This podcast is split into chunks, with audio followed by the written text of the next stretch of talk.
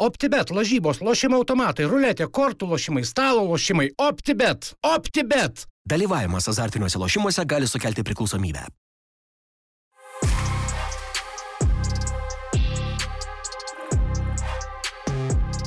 Pradėkim nuo mūsų kontribį geriausių draugų. E, paplokim gal žmonėm kažkaip. Audrius Blankas. Hei, man labiau vadino. Su hei, davai, su hei. Audrius Blankas. Hei, E, Gabija. hei, E, Giedrius. hei, Nedas Rupšys. hei, Rokas A. Žubalis. Hei. Šarūnas Balnys. hei, E, Stasys S. hei, E, Vareika. Hei. Robertas Vareika turbūt. Vincas Gurevičius. hei, Ir Vytis Stankievičius. hei. Valio. Dėkui. Ne, jeigu tikrai, tai labai ačiū visiems, kas prisidėjo. Šiaip nesitikėjom, kad tiek pradžio bus daug kontribį remėjų. Ir tikimės, kad toliau, tai neužilgo paduosim naujienų kontribį uh, kontributoriams, ar kaip, kaip čia reikia. Nes Patreonai tai būtų patogus, sakyti, tipo Patreonas. O kaip čia? Mhm. Kontri, kontri... Prenumeratoriai. Prenumeratoriai. Tai prenumeratoriam neužilgo pateiksim turinio ir... Ir, bus Ir jau kiek padavė Jaras ten. Nu, geras ten informacijos, tai... Keturis postus kad- po kokį dešimt e, gandų Rūmus, ir transferų visokių. Tai. Tai to ir video turinio bus neužilgo, ir QA, ir, ir, ir podcastas vaiksta, ir intervas. Ir manau, kad bus greitų metų konkursas. A ne? Šimtų procentų. Koks konkursas bus pasakyk? A, konkursas, ne, nesuvom ką atspėti dar, bet uh, bus galima laimėti Lietuvos rinktinės uh, vieno iš mano mėgstamiausių žaidėjų Pyviaus Širvio marškinėlius. O ne? Taip, pats suderinau.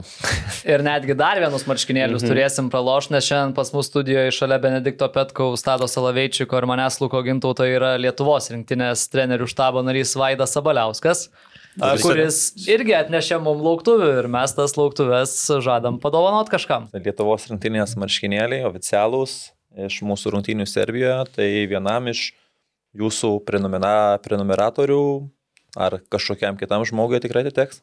Dėkui. Va, taip, Dovanas va. gerai, mes mėgstam dovanas. Tai va, tai eikit ten už, paremkit už ten kelis tuos euriukus ir va, galėsit laimėti. Nuorodą rasite aprašymę, ten bus ir visos remimo formos ir, ir, ir šiaip labai didžiulė paskata ir mum a, toliau kurt, a, dėliotis.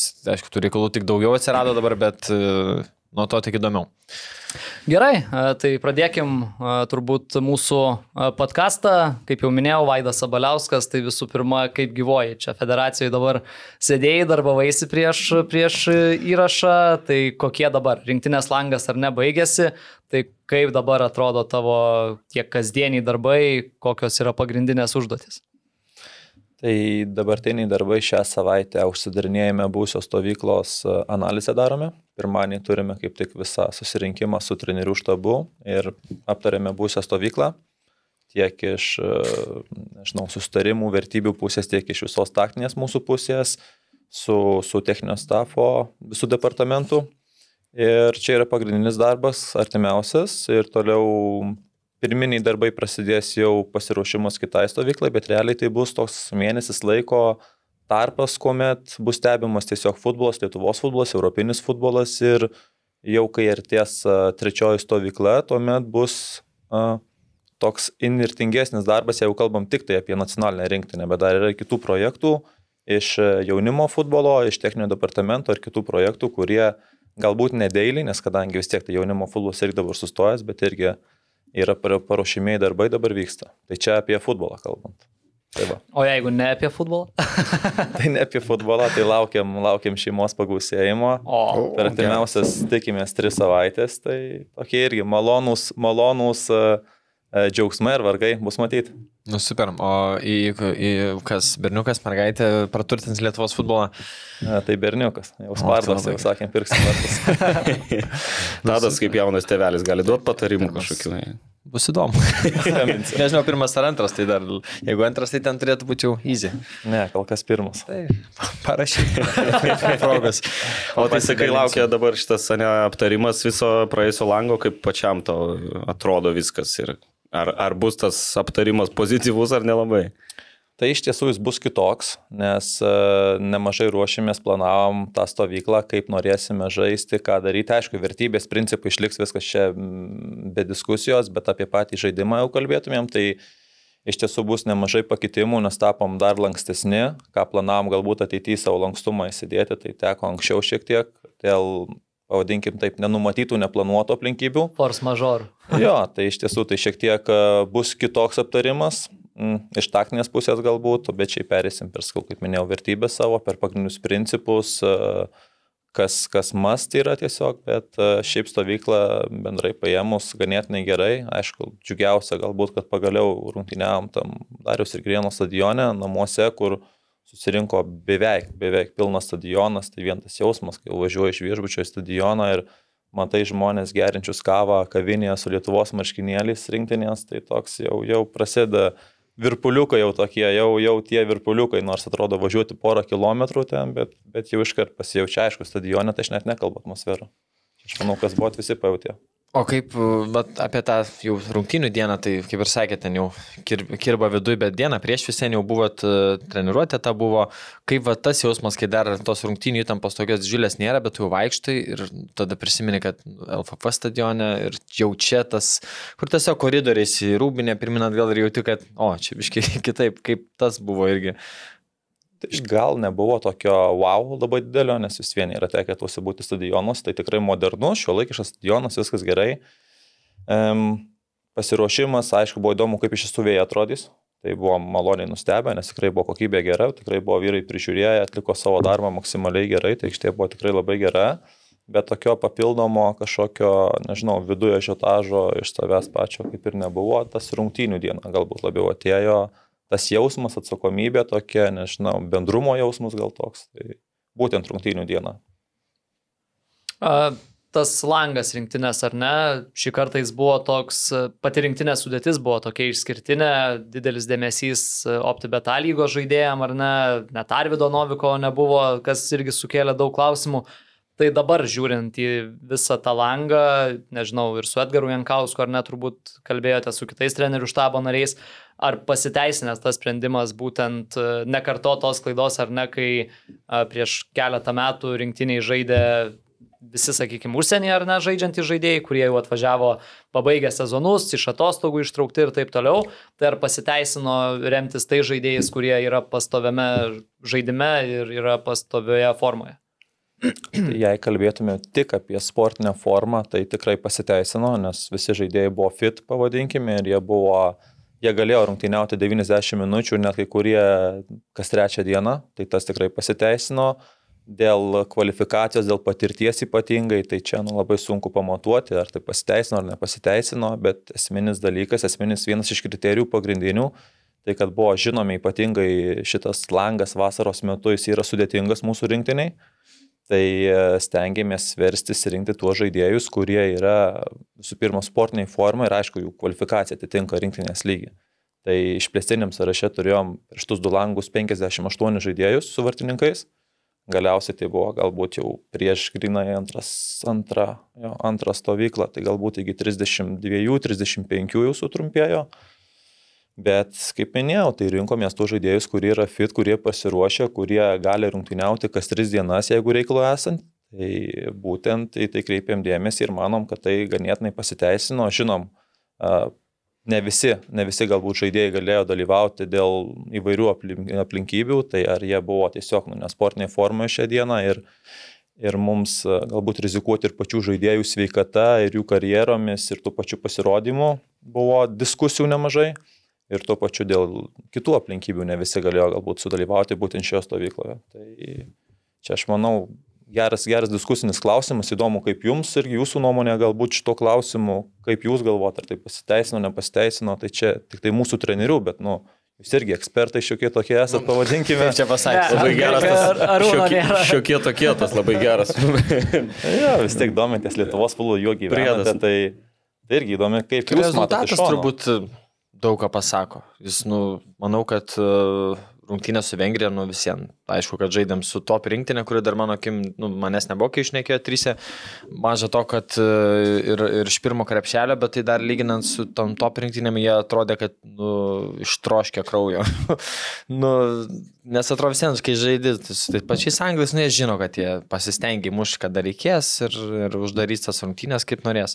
O čia atrodė, kad tiesiog nori išdraskyti Aš tas pirmą pusvalandį, kai žiūrėjau, tai net baisu buvo tas lipimas toksai. Bet rezultatas finalė, nu, jūs nu, ta prasme, manau, kad kaip prieš tokį varžovą geras. Su bulgarais, nu vėl tenais lab, viena, viena kertinė akimirka yra, kur, kur vėlgi galėjo būti ir dar geriau, bet bendrai paėmus, manau, kad rezultatas teigiamas. Tie žaidėjai, kurie buvo nu, lėkėtas, pavyzdžiui, abi rungtynės žaidė, kažkokių didžiulių klaidų nebuvo, apie kitus irgi ten negali sakyti, kad kažkas blogai, tai finalė. Turbūt. Manau, kad teigiamai.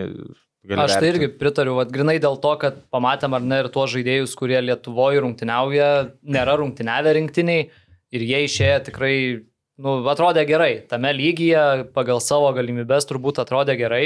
Tai aš manau, kad čia ir ateičiai prieš tą rinktinių langą, kuris vyksta vasarą, turbūt ta praktika yra pakankamai geras dalykas. Aišku, ten, jeigu Novikovas būtų ten ar ne, turbūt dvi savaitės ilsėjęsis ir būtų net, net tiek ilgai nežaidęs, nu, tai jį mes irgi tikrai nepamaišytų. Bet e, principė manau, kad... Bet kai gavus, kad jis mėnesį beveik atostogavo ir dar nebuvo žaidęs savo klube virš mėnesio, tai tas daug. Ir dar kitas pliusas, manau, kaip nu trenerių štabui, kad e, paimant e, tuos naujokus, va, tarkim, kaip leketas, šiek tiek ir... Uh, tą plokštę išplėti žaidėjai, kurie jau su patirtim rinktinės, kurie nu, ne epizodiškai pasirodė, o sužaidė daug kartų vėl kitam langė, jeigu yra kažkokie netikėtumai, traumas, dar kažkas gal kažko neišleidžia, ten prašo treneris lik klube, vėl tu jau įimi nebe naują žaidėjo žaidėją, kuris jau 180 minučių sužaidė ir prieš neblogas komandas, tai vėl šiek tiek lengvina gal pasirinkimus, kai tu matėjai, kas kaip ir, ir, ir panašiai. Aišku, ten turbūt dabar kitas langas rugsėjai, tai vėl toks, nu jau Lietuvoje žaidžiantys žaidėjai sezonas į antrą pusę verčias, tas krūvis jau praeitas nemažas, vėl kitaip, bet už tai užsienio žaidėjai žaidžiantis ant pačio pagavimo formos. Tai aš manau, kad pasiteisino. Prisimena, kaip prieš du metus buvo liūdna, kai tas buvo rinktinės langas, kur ten ir Baltijos taurę pralošėm, ir nuo Ispanijos U21 ten nuslogų buvo. Tai čia žiūrint, Labai gerai. Nu ir ką kalbėjom ir praeitą kartą, man atrodo, vien jau nemažai pasako, kai žaidėjai patys po, po rungtynių neliūdnais ne veidais, o tokie, nu, visai patenkinti. Nu, va, žaidėm, o ten lygiosios, ten pralošėm, bet ne, negavom ten 0,4 ar ten 0,5, žinai. Tai. Nes čia tam žina diskusija tokia ir pas mane tarp draugų ir čia su Arūnu diskutavom apie tą žaidimas versus rezultatas. Žinai. Tai Aš tai už tai, tebūnė kaip ten su, su vengrais sunkiai išėjom į atakas ar dar ką, bet rezultatas toks, kuris nu, įkvepiantis 0-2, ne 0-5. Ir žmogui paprastam, kurį tu nori pritraukti tą futbolą žiūrėti, spaudoji mato 0-2, 1-1, ten 1-0, 2-0. Nu, jam įspūdis kitoks yra, bet kai tu matai 5-0, 4-0, 6-0, tai tada tu net neturi minčių. Tai aš kažkaip geriau už tą rezultatą ir vat, padorų žaidimas ateis su, su laiku gal gale. Reikia to įdirbę visko, bet e, geriau žaidimą dabar ypatingai stadione naujam, žais prie pilno stadiono, o ne prie 2000, kurie ten prieš tai matė kad geras žaidimas yra gražu, bandoma žaisti, bet rezultatas tragiškas. Ką, kaip vaidai tu galvoji, kas svarbiau - žaidimas ar rezultatas? tai viskas svarbu, ypatingai nacionalinėje rinktinėje, jeigu imtumėm, per, žiūrėtumėm per jaunimo rinktinių prizmę, tai ten development, svarbiau galbūt pats procesas. Kaip Romanovas sakė, progresas. Ugdymas, progresas. bet kuomet jau reprezentacinė komanda, nacionalinė rinktinė, tai ten abu dalykai yra svarbu, tik aišku, tas žaidimą netaip lengva jį išgauti, pasiekti. Matom ir šiam sezonė vien vietiniam fronte lygoje, kaip stringa klubai iš tiesų, kurie daug rotavo, daug rotavo, daug žaidėjų. Tai čia ypatingai ir naujas štabas, žaidėjų nemažai naujų įsiliejusių į, į rinktinės kolektyvą. Tai yra fazių, kurios jau dabar matome, kad auga ir gerėja ir kas mums tinka, netgi yra fazių, kur dar norime ženkliai tobulinti ir būti geresni, drąsesni, galbūt taip pavadinkime. Tai, bet rezultatas irgi neatsiejama to dalis, nes nu, žiūrovas, kaip minėjote, irgi jisai, jisai mėgsta rezultatą, jis mėgsta kažkokį aišku žaidimas visuomet yra labai gerai, kas yra svarbiausia galbūt, nes, nes su geru žaidimu dažniausiai ateina ir geras rezultatas. Bet ir tas kartais rezultatas per kovą, per norą, ką kompensuojame kažkokią kokybę ar kvalifikaciją, tas irgi be galo svarbu. Tai čia jau buvo jūsų šito naujo trenerių štabo antra stovykla. Tai kur gal, nežinau, buvo didžiausias augimas, didžiausias tobulėjimas lyginant su ta pirma stovykla, kur, kur jaučiat, kad rinktinė labiausiai pasistumėjo į priekį? Nes Šis... įsivaizduoju, ta pirma stovykla tai buvo turbūt daug sunkesnė negu šita.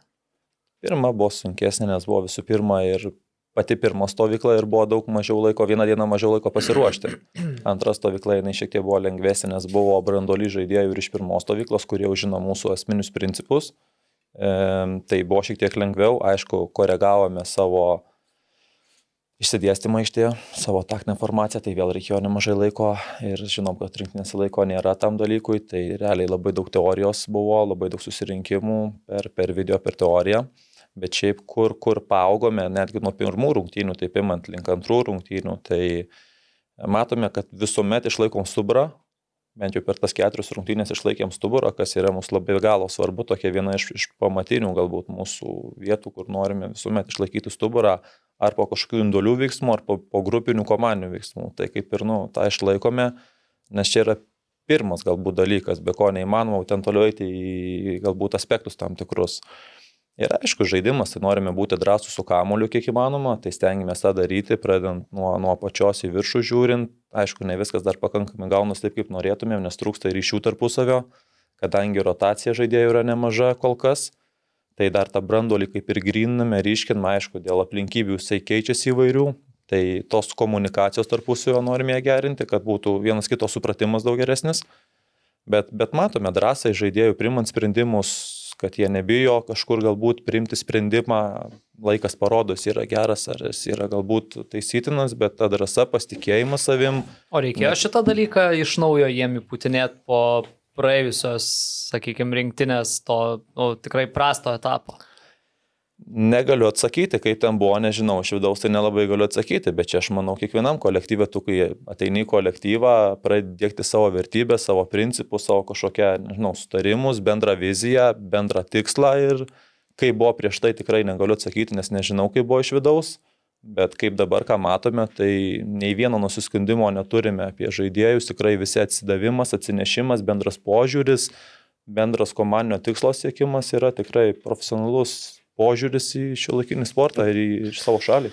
Kiek jaučiasi, pavyzdžiui, Edgaro Jankausko autoritetas, va, gal, kalbant apie tuos visus dalykus?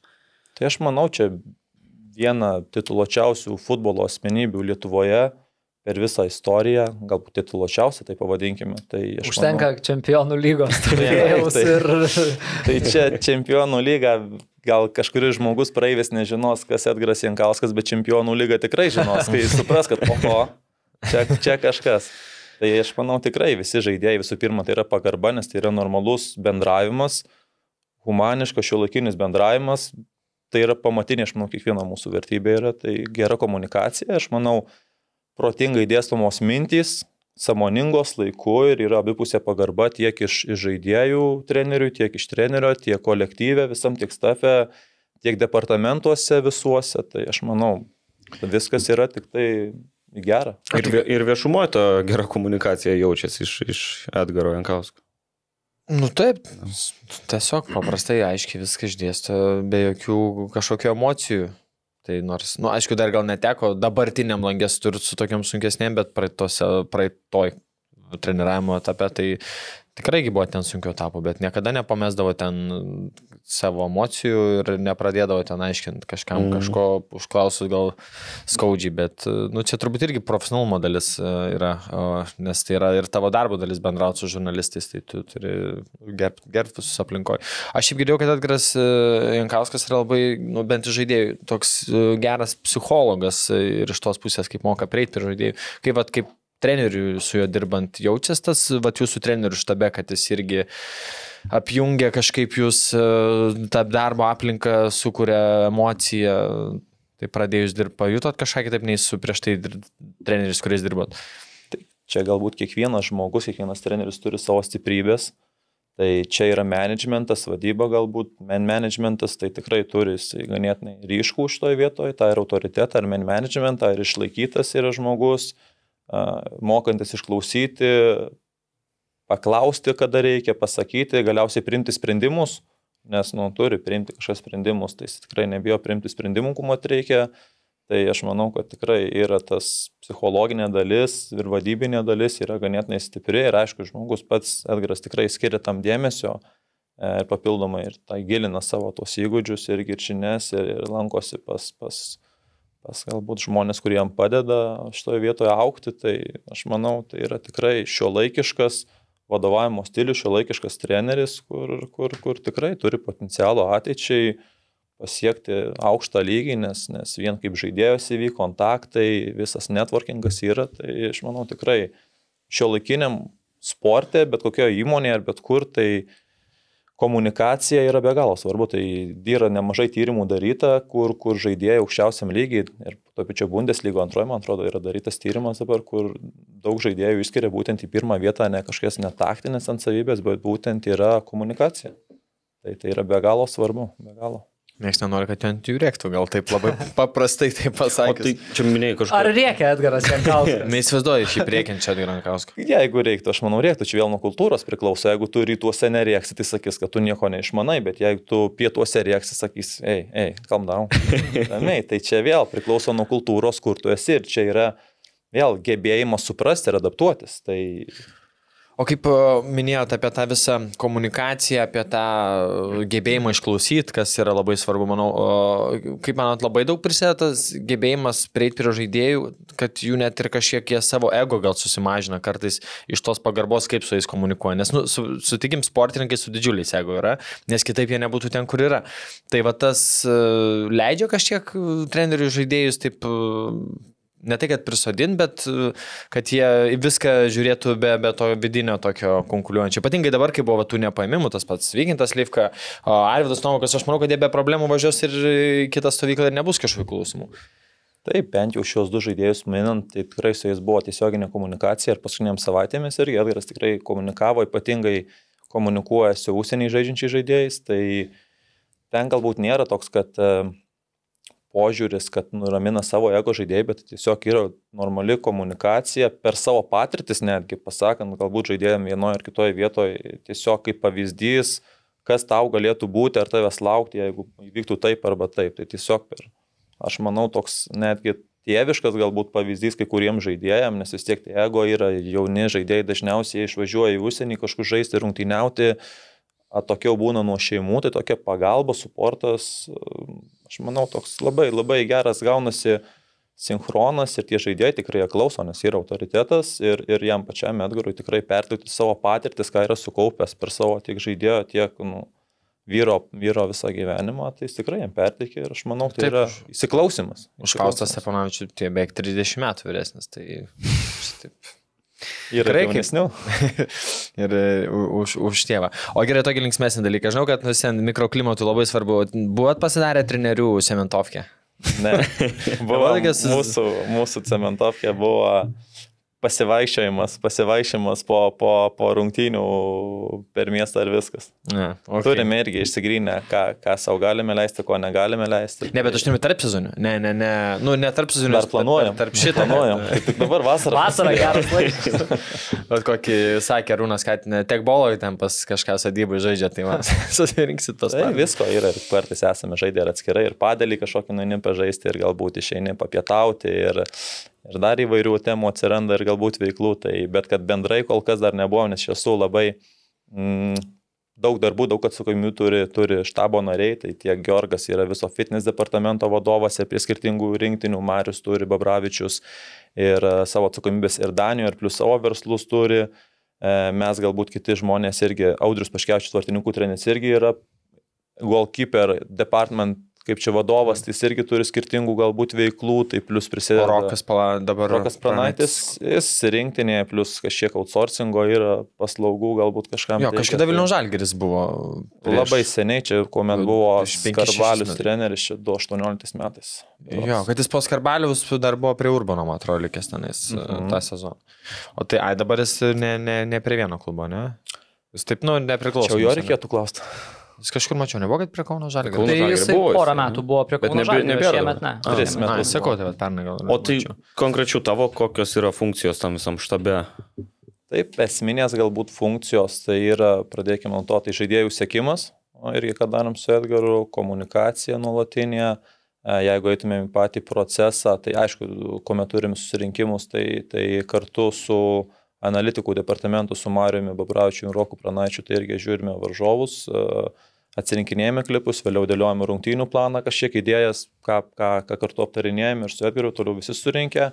Ir treniruočio planavimas, a, treniruočio, tren, stovyklos treniruočio planavimas, skripčių ir standartinės patys, tokios esminės ir paskui jau daily work, kur ten bet kas nutinka ir ten reikia kaip, kaip šitiem ugnegesiam greitai ten pagesinti, ten pagesinti, tai toksai dėlį jau toliau gaunasi. O apie standartinę situaciją susiminėt, įdomus buvo dalykas matyti Gvidą gynėti šitoje vietoje ir man, man bent labai patiko e, tie dalykai. O kaip alternatyva, tarkim, nu, trauma greičių ten lango metu, kas gratas būtų buvęs to vietoje, ar čia paslaptis paslat, išduotumėt kažkokią? Ne, ne paslaptis, tai ne, vis tiek vengrai sėdi. Klauso, juotkalniečiai klauso. Kalniečiai su serbais. Nes šiaip, nu, nusisekęs toks sprendimas, nu, jau įvartis mušas jau gerai, bet ir tos standartinės buvo gan pavojingos visos. Tai iš tiesų tai su visais žaidėjais, beveik visais, jo, visais uh, kalbuosi, tiek atako, tiek gynyboje, kur yra jų stipriausios vietos, ką jie galėtų duoti komandoje, tai uh, Buvo įdomių, tiesiog buvo įdomių galbūt kandidatų, kurie galėtų padarinėti standartinės patys, bet jie šią dieną sako, aš kol kas, jeigu tą galėčiau daryti, bet man reikia lavinti šitą būtent įgūdį, kad galėčiau tai šimtų procentų gerai padaryti ir padėti komandoje, tai buvo, buvo, buvo tokių komunikacija nuolatinė, bet su Gvidu kalbėjom, kad gali tai padaryti ir žinau, aš nuo, nuo jauno amžiaus kuomet dar žaidė už Mažiekius, vėliau už Kauno akademijoje buvo pasijungęs irgi, tai jis gali tą, turi tą gebėjimą turi techniką ar turi tą pastatytą perdimo smūgį, kuris gali paduoti kamuolį šio laikiškai ten, kur reikia, tai jis buvo šiai dienai vienas iš kandidatų, turime dar kelius žmonės, tai vėl priklausomai, kas yra aikštėje. Ir pasitikėjimo gvidui, man atrodo, užtenka irgi. Tai visiems čia, šiaip kalbant, standartinę patį paduoti, tai dažnai taip žaidėjai galbūt žiūri skeptiškai, bet jeigu pagalvosi, tai tai yra asistas. Jeigu tu padarysi gerą standartą, ten komandos draugais atlik savo darbą ir pelnys įvartį, tau yra statistika asistas per sezoną padaryk 10 e, standartų gerų paduok, tai 10 asistų ir tu jau galę sezono, tu gali sakyti rinkai, žiūrėkit.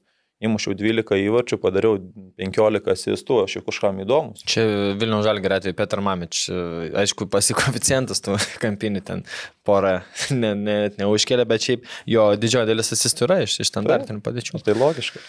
Dar grįžtant prie rinktinės, įdomus man klausimas, kai teko į Vengriją e, vykstant palikti Justą Lasitską ir Fiodorą Černychą, e, Matijus Remeikis ir Armandas Kučys papildė juos iš U21 rinktinės. Tai kaip vyksta va tokiu atveju tas pasirinkimas? Ar jie jau ir prieš pat rinktinės stovyklą buvo, sakykime, ar ne, iš karto už brūkšnio, ar tiesiog yra tada tuo momentu ieškoma į poziciją žmonių ir, ir, ir galbūt pats ir patogumas, ar ne, kad jie tuo metu Lietuvoje, kad ne kažkur ten Kazakstane ir panašiai.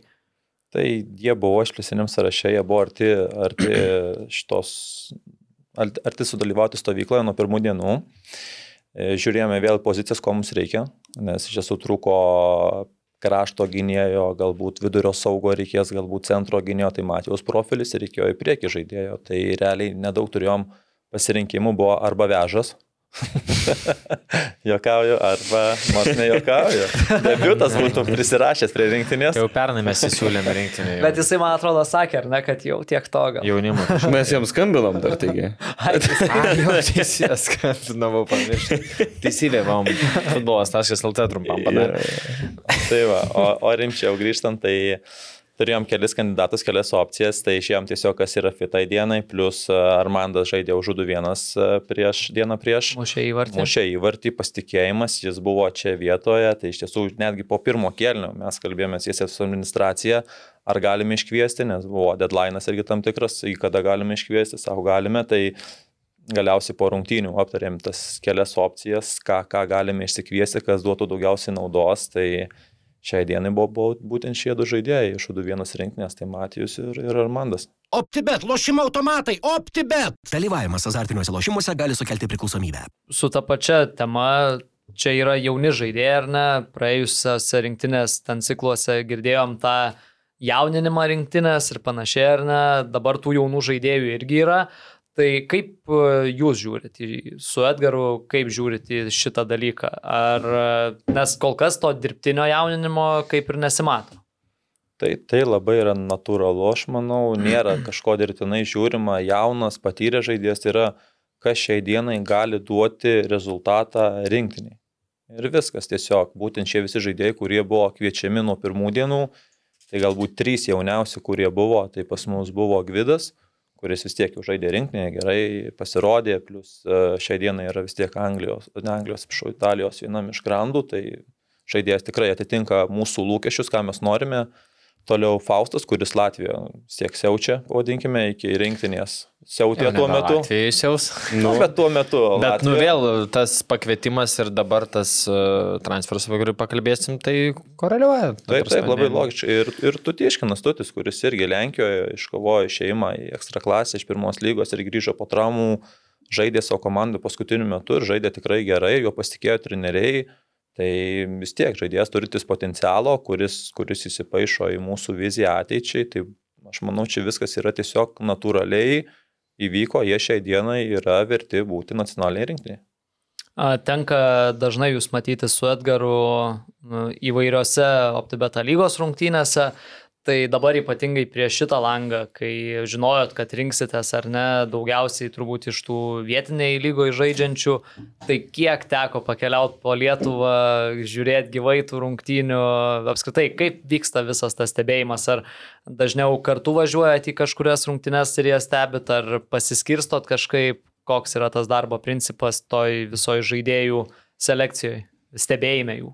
Tai realiai visus lietuvius jau kalbant, tai dažniausiai tiesiog komunikuojam, kas kurias rungtynės, jeigu Vilniuje, tai dažnai, dažnai labai kartu žiūrime, jeigu Kaunas, Alytus, Šiauliai, Telšiai, Banga, Garždai, tai, tai kažkaip atskirai, nes tiesiog nu, laiko sąnaudos labai didelės e, keliauti, tai kartais būna rungtynės irgi vienos baigėsi 17 val. kitos prasideda, tai tiesiog neįmanoma dviejų rungtynių įvėti, kartais netgi liekame tiesiog žiūrėti rungtynės e, nuotoliniu būdu, kad matytumėm, tai čia tiesiog stebėjimas rungtynių, aišku, ar kartais ir treniruotę stebime, nuvykstame vieną kitą klubą, būna nuolatinė komunikacija su treneriais, su personalu, su fitness treneriu, kartais su asistentais, su pačiais žaidėjais, tai nėra galbūt tokio protokolo, kad ten nusimatę tris savaitės į priekį tu žiūrėsi būtent šitą žaidėją ar tą, nes nu, įvyksta ir kortelės, ir traumos, ir, ir galbūt kažkokios vėl kažkas keičiasi, tai tiesiog toks humaniškai kažkaip taip ramiai sutarėm, kas kur važiuojam, ką žiūrime. Kartais būna, kad ir visas penkias rungtynės tenka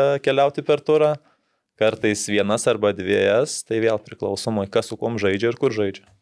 Įdomu, ar, ar žino žaidėjai, nu, tipo, ar mato, va, sėdi, sėdi Vaidas, pažiūrėjau, jau galvoja, ble, man šiandien reikia pasistengti, nes jau gal, jau matys, jau, ble. Tai jam nuolat reikia stengtis. Čia jau prieš trenerius reikia, nes jei nesistengsi, bus kitas rungtynės ten dešinėje, ant suolo, tolimiausias dešinėje. Arba tribūnai, dar blogiau.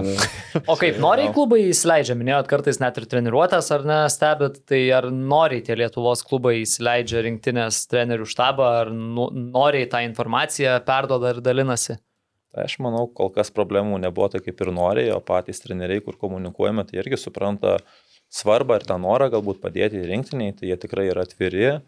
E, Plus pačiam klubui yra svarbu irgi, kad jų žaidėjai atstovauja rinktinę, tai vis tiek tai yra dėmesys klubui, dėmesys galbūt rėmėjams papildomiems. Ir finansinė vėl, ir nauda. Finansinė galbūt nauda, čia aš nesigilinsiu, bet visi kol kas šiai dienai be kažkokių tai net dviejonių, net be dviejonių, visi nori komunikuoja, nori dalinasi visą informaciją, kuri, kuri rūpima ir tikrai labai labai džiaugiamės dėl tų klubų, net ir prieš pirmą rinktinės irgi langą turėjome šiek tiek nu- nutolinti mūsų sąrašo iškvietimą, ką minėjo Atgaras, jau irgi dėkoju klubams, tai irgi visi suprato realią situaciją, visi kažkaip adekvačiai tai sureagavo. O kaip su U21 komunikacija, nes irgi ankstesniais ciklais bu- buvo ir kalbų, kad nepasidalina žaidėjais, vėlgi čia dėl to paties turbūt dirbtinio jauninimo ar ne. Tokio chaoso būdavo. Jo. Tai Ne, kaip tai yra vis- dabar? Viskas irgi labai gerai, iš tiesų su Tomus Rožanausku kalbamės dėl tų žaidėjų, nes jis irgi nuolat čia būna federacijos stadione, departamento techninio patalpose, tai nuolat kalbame irgi jis turi savo įžvalgų, galbūt net geriau mato tuose, kaip žaidėjai būtent rinktinės lygmenyje atrodo tam daily, daily work vadinkim stovykloje, ko galbūt mes nematome iš rungtynių ir treniruočių, kaip jie save veda už aikštės. Tai irgi kalbame su tai žaidėjais ir tikrai netgi pasiūlo kalbamės, okay, viena pozicija ar kita pozicija, kaip atrodo vienas ar kitas žaidėjas, tai argumentuotai imkite žaidėjus, nacionalinė rinktinė yra prioritetas. Tai Mm. tikrai viskas labai, labai esame irgi Tomui dėkingi ir tikrai labai padeda, labai šiuolaikiškai žiūri iš tą situaciją visą ir problemų nėra. Aišku, žinant, iš, iš, iš UD1 prizmės galbūt uh, norėtų, kad tų žaidėjų būtų daugiau, bet kaip minėjau, jie lygiai atitinka nacionalinės rinktinės ir jeigu jie žaidžia, galbūt tik tai Faustas šią stovyklą negavo savo minučių, nors jį planavome, bet, bet įvyko pakitimų tiek mūsų organizacijos žaidimo ir galbūt neradome šiam, šiam langė minučių.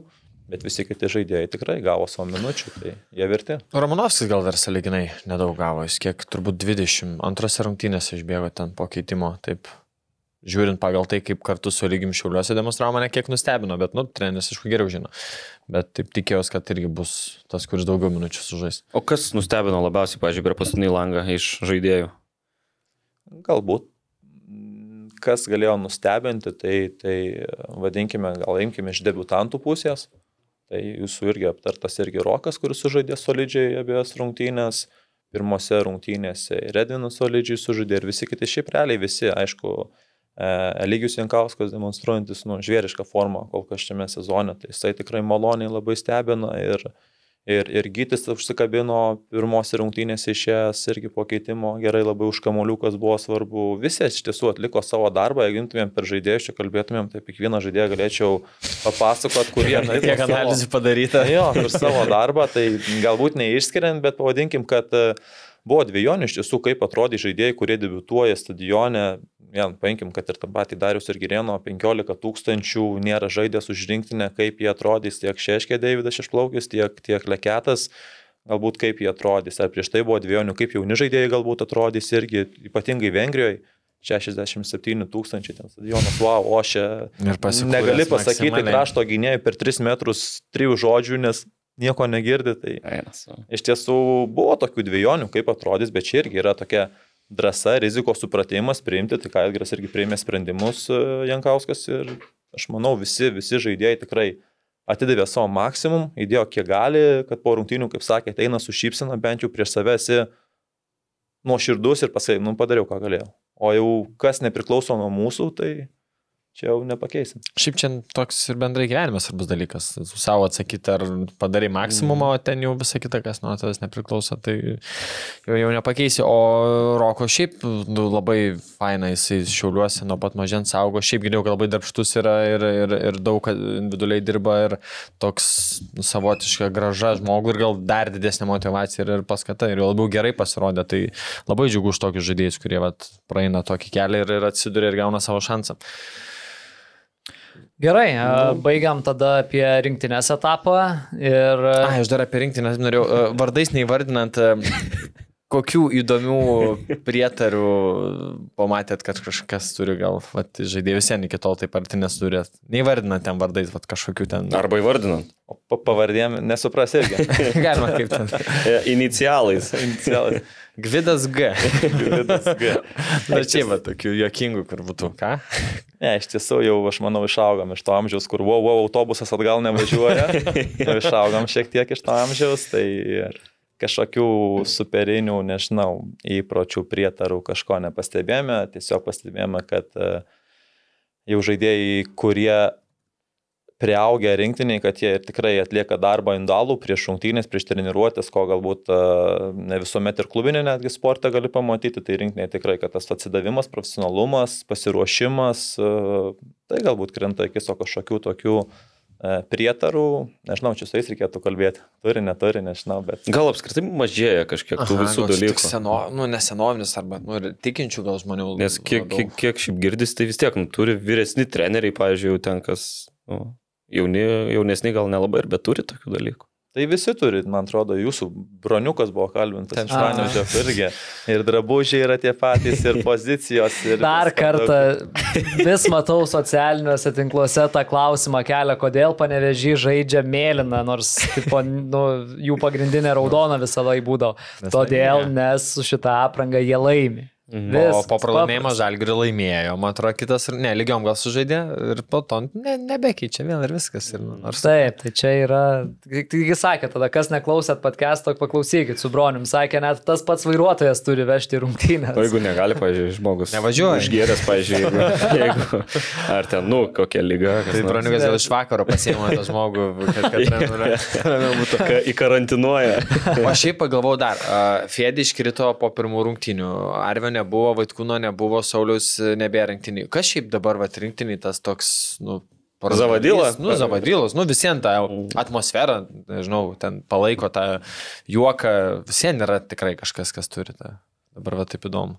Iš tiesų tokių, kad vėl lyderystė, rūbinė kažkas, kad būtų tas juokdarys ar kur linksmint tokio, kad išsiskiriančio vieno nėra galbūt. Yra, yra grupė žaidėjų, visi tiesiog palaiko ryšį, galbūt šiauliečiai, kurie daug šiaulių desanto yra, iš Panevežio nemažai žaidėjų, Vilniečių, galbūt kas jau daugiau yra buvo rinktinėje, tai daugiau tokie ten mažesnėse grupėse, o bendroji, bendroji rūbinėje, kur komanda, tai kažkaip tokio vieno, kad labai išsiskirtų, galbūt šiai dienai nėra bet, bet uh, turi savus, savus irgi juokelius, savus savo kalbą žaidėjai, tai kažkur aš manau, jie ten randa tuos už uždarų durų savo lyderius, uh, kur, kur pralinksina vienas kitą, bet šiaip tikrai tokie, neišskirčiau galbūt nei vieno žaidėjo, kuris yra toks, kaip minėjo, lyderis ar kažkur įkvėpėjęs kažkokių veiklų, tai visi taip kažkaip pasidalina tą rolę, nežinau, tiesiog vieno neišskirčiau šią dieną. Mm. Nes ten ta grupelė, tai tokia, jo, su jais liūdna ne, ne, nebūna. Baigėt surinkti, ar dar turite kažką? Jeigu nu, ką, jeigu- jeigu ką, atsiminsim dar. A, nu, gerai. A, Man kas įdomu, čia žiūrėjom ir su Benediktu žiūrinėjom, a, niekur neradom, kur buvo tavo pati pati pradžia futbole. Ką randu, tai Vilniaus žalgerio sistema jaunimo, darbas su jaunimu ir paskui tas perėjimas į riterius. O kur, kur buvo pati pati pradžia, patys tie Viskas pirmi yra žingsniai? įslaptinta kažkaip. Ne. Čia kalbant apie treniravimą? Ir, Nu, apskritai su futbolu. Aš vat, net nežinau iš tikrųjų, ar e, esi pats kažkiek žaidęs. e, Tai vad papasakok tą pradžią. Tai pati pradžia prasidėjo Lietuvoje, galbūt kokioje trečioje klasėje, kuomet treneris e, Remidas Kohanauskas pakvietė į futbolą. Tai prisijungėme ten, pradėjome Lietuvoje futbolo mokykloje, treniruotės, sportavome su, su treneriu Kohanausku galbūt porą metų, po poros metų kažkaip, e, kadangi tai buvo dvi grupės, ar tai sujungta, aš jau net nepamenu tiksliai, kaip ten buvo, tai atskilom pas kitą trenerį, Antaną Mokštutį, tai ten ir sportavome, jaunimo čempionatai, kažkiek jaunimo rinktinių prisidėta buvo irgi dalyvauta. Vėliau paauglystė, pusiau profesionalus futbolas irgi buvo, tuo pačiu irgi buvo tarp, tarp, tarp a, jaunių ir pusiau profesionalaus futbolo. O kas iš tų jaunystės komandos draugų kažkas žaidžia dabar aukštesniam lygiui? Iš, iš, iš mano miesto žalitaus niekas nežaidžia, realiai iš Lietuvoje žaidžia trys žaidėjai, tai Ernestas Veliulis, keturi, atsiprašau, Ernestas Veliulis, Karolis Laukžėmis, Mindaugas Grigaravičius ir kas dar? Prisiminsiu dar. Tai realiai nedaug yra likusių iš tos kartos mūsų, e, bet, bet, bet taip viskas vyko, tai realiai Lietuvoje. Grigaravičius iš tos kartos? Grigas Kiek, 92. kiek jam metų? 31. Taip, taip. Jam trimvieni metai. Lauk, trim šeši kokie. Kaip savo patirtis žaidėjo. Nu ir patirtis, nu toks atrodo labai jau Ne, tai metuose. Tai mūsų nedaug iš tiesų.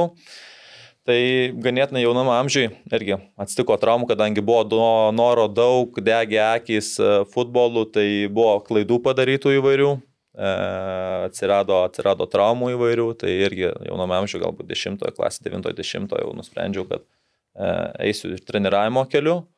Tai, tai jau ganėtinai anksti. Na, Buvo planas pasibaigus mokyklą, galbūt bandyti į LCU, bet kadangi tai buvo mokamos studijos, tai, tai teko į pedagoginį universitetą įstoti. Iškart buvo pirminė, pirminis planas, kad po studijų pradėsiu treniruoti, kažkur tikriausiai tai buvo jaunimo futbolas, bet, bet pasisekė, kad pirmam kurse 2011 metais e, Vilniuje atsirado ekrano futbolo akademija, filialas, Panevišio ekrano. Vilniuje buvo ekrano filialas. 2011 metais. Tai va, jis buvo neilgai, čia toliau pratęsime, bet jis buvo neilgai, tai, tai net nepamenu, kas pakvietė, bet į, tą organizaciją prisijungti akademiją, prisijungiau ten. Tai buvo Nerius Budraitis, a, kuris turėjo grupę, tuometinę ten buvo prisijungę iš, iš Lazdinėlių kažkaip susikūrė, tai perėjo. A, Buvo Deimantas Bička, kuris buvo kaip direktorius, buvo Gražiūnas, kuris buvo techninis galbūt direktorius ir buvo Valdas Dambrauskas nuotoliniu kaip ir, kaip ir kuratorius Okay. edukatorius tos metodologijos, kurią ten bandėm dėkti, tai buvo ten dirbau. Galbūt Tokia jis- nebloga kapela visai. Įdomi, įdomi. Tai yra su patirtim, pavadinkim, su patirtim. Tai e, ten galbūt trejus metus, kol, kol ekrane prasidėjo bankrotinė situacija ir, e, ir išaldė ir mūsų akademijos sąskaitas, nes Bet tai čia reikėjo... vėl man, man tai biški sprogdina smegenis. Tai ai, dar vienas toks ar ne faktas, kokio lygio, ta prasme, buvo tada ekranas. Mm. Jie tais ten 2011-2012 čempionai Lietuvos. Panevežio komanda sugeba savo filialą Vilniui, sostinėje. Na, bet šiaip kažkaip nesąmoningai skamba. Jeigu atvirkščiai būtų, žinai, nu tai kaip ir supranti, žinai, kad... Okay. Sostinė. O čia atvirkščiai, nu jo, wow. Tai buvo sunku ir daug skeptikų buvo iš tiesų, tai atsimenu, buvo pradėjome, mes pakvietė spalio mėnesį ir buvo viena iš idėjų susirinkti grupę. Mhm. Susirinkti grupę, gerai, na, banerių, flaikių apie 2000, tai perėjau, pažinau Vilnių tuo metu, pradėjau nuo lasdinėlių, lasdinai, karoliniškės, viršuliškės, justiniškės, pašilaičiai, tai realiai visus mėgamuos apie porą tūkstančių tų skrajučių užkabinau, su tuo pistoletu prie, prie, prie laiptinių. Spėkit, kiek atėjo. Niekas. Vienas. tai va, tai tokia buvo pradžia, labai skeptiškai žiūrėjo iš tiesų į Vilniuje į ekrano tą organizaciją. Tai va, bet vėliau bankrotas ekrane, tai teko... Bet su keist- to vienu nedirbo, atspėjau. Ne, ne, tai buvo, buvo pora grupių, iš tiesų buvo pora grupių ir kažkaip po truputį pildėsi, rinkosi vėliau, tai turėjome ten realiai mes dviesi treneriai buvom pradžioje su Nerim Budraičiu, tai, tai irgi taip šiuolaikiškai tuo metu dirbome, ganėtinai stotelėmis keitėmės, ten vaikai migravo iš vieno į kitą, tikrai buvo didelis dėmesys skiriamas pačiai treniruotės organizacijai, metodologijai, tai tikrai toks įdomus buvo projektas ir būtų įdomu iš tiesų, kaip jis būtų sirituliuojęs, jeigu ne, e, neįvykus situacija su, su Panežio ekrano bankrotu. Tai va, toliau e, kažkiek dirbau moterų futbole, porą metų galbūt dar ir moterų futbole, MFA Žalgiriu su, su Vytautu Jančiausku, čia irgi kažkuriuo tarpsniu. Em, Tai buvo gal net 2013-2014 metai. Toliau Žalgirietis irgi pasiūlė prisijungti, Gediminas Kontas su, su Žydrūnu Gruzinsku į akademiją, ten irgi trūko galbūt vienam iš, iš tarpsnių jaunimo trenerio, tai kai pradėjau nuo U6-7 galbūt, tai taip ir augo, augo, augo, tai realiai perėjau em, visus, galbūt visas pakopas įmanomas Lietuvoje. O ta prasme, ėjai nuo su ta pačia komanda, su kuria pradėjai, ar tiesiog vis permesdavo prie vyresnės komandos, ar tą pačią komandą, kurią gavai ar ne U6 ir auginai iki, iki vyriausio amžiaus, ar vis tave permesdavo tiesiog jau Ne, aukštesnį? tuo metu dar tokios nebūdavo, kas periodizacija čia dabar dar tik bando įdėginėti Lietuvoje, kad treneriai dirba tam, tik, tam tikru amžiu ir ten Mhm. yra ekspertai ir, ir tik tai keičiasi e, žaidėjai. Tai tuo metu kaip ir, nu, būdavo ta, ta metodika, kad treneris seka su grupė auga. Tai aš esu su ta grupė jau. A, tai va, tai prisijungiu prie Žalgiriečio. E, du 14 metais, galbūt 2014 viduryje prisijungiau ten ir toliau, kas buvo gerai, kad e, po kelių metų irgi valdas persikėlė į Žalgirį, kuomet tai Dambrauskas tai pradėjau kaip čia savanoriauti Žalgirį, stengdavosi eiti į rytinės treniruotės, kiek įmanoma stebėti, žiūrėti, nes nu, tikslas, svajonė buvo futbolė šitam, tai investuota nemažai tų valandų buvo. E, toliau 2016 metais vis dar dirbant ir su jaunimu, toliau Andrius Kerla paskyrė į B komandą Žalgirio B trenerių, tai prisijungiau su juo kartu į jo kaip asistentas e, tuos metus, e, 16, 16 metus, e, vėliau kitus metus B komanda kaip, kaip ir treneris, trenirau plus jaunimą irgi.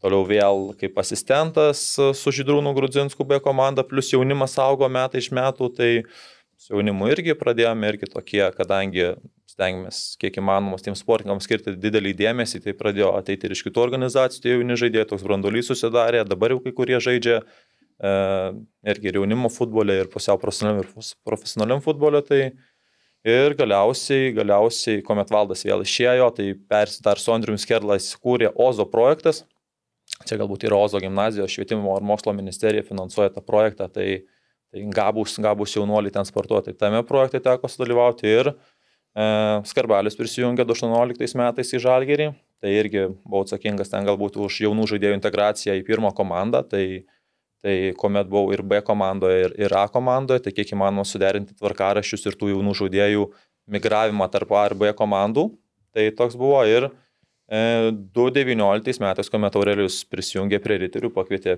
perėti į Riterius iš Žalgirio. Mano kaip tik kontraktas buvo su, su Žalgiriu pasibaigęs. Su jaunimo futbole tai nėra kontraktų, tai yra darbo sutartys arba individualios veiklos, čia kaip sutarė, nežinau. Tai va, tai prisijungiau 2019 prie Riterių ir ten irgi turėjau įvairių tų pozicijų klube.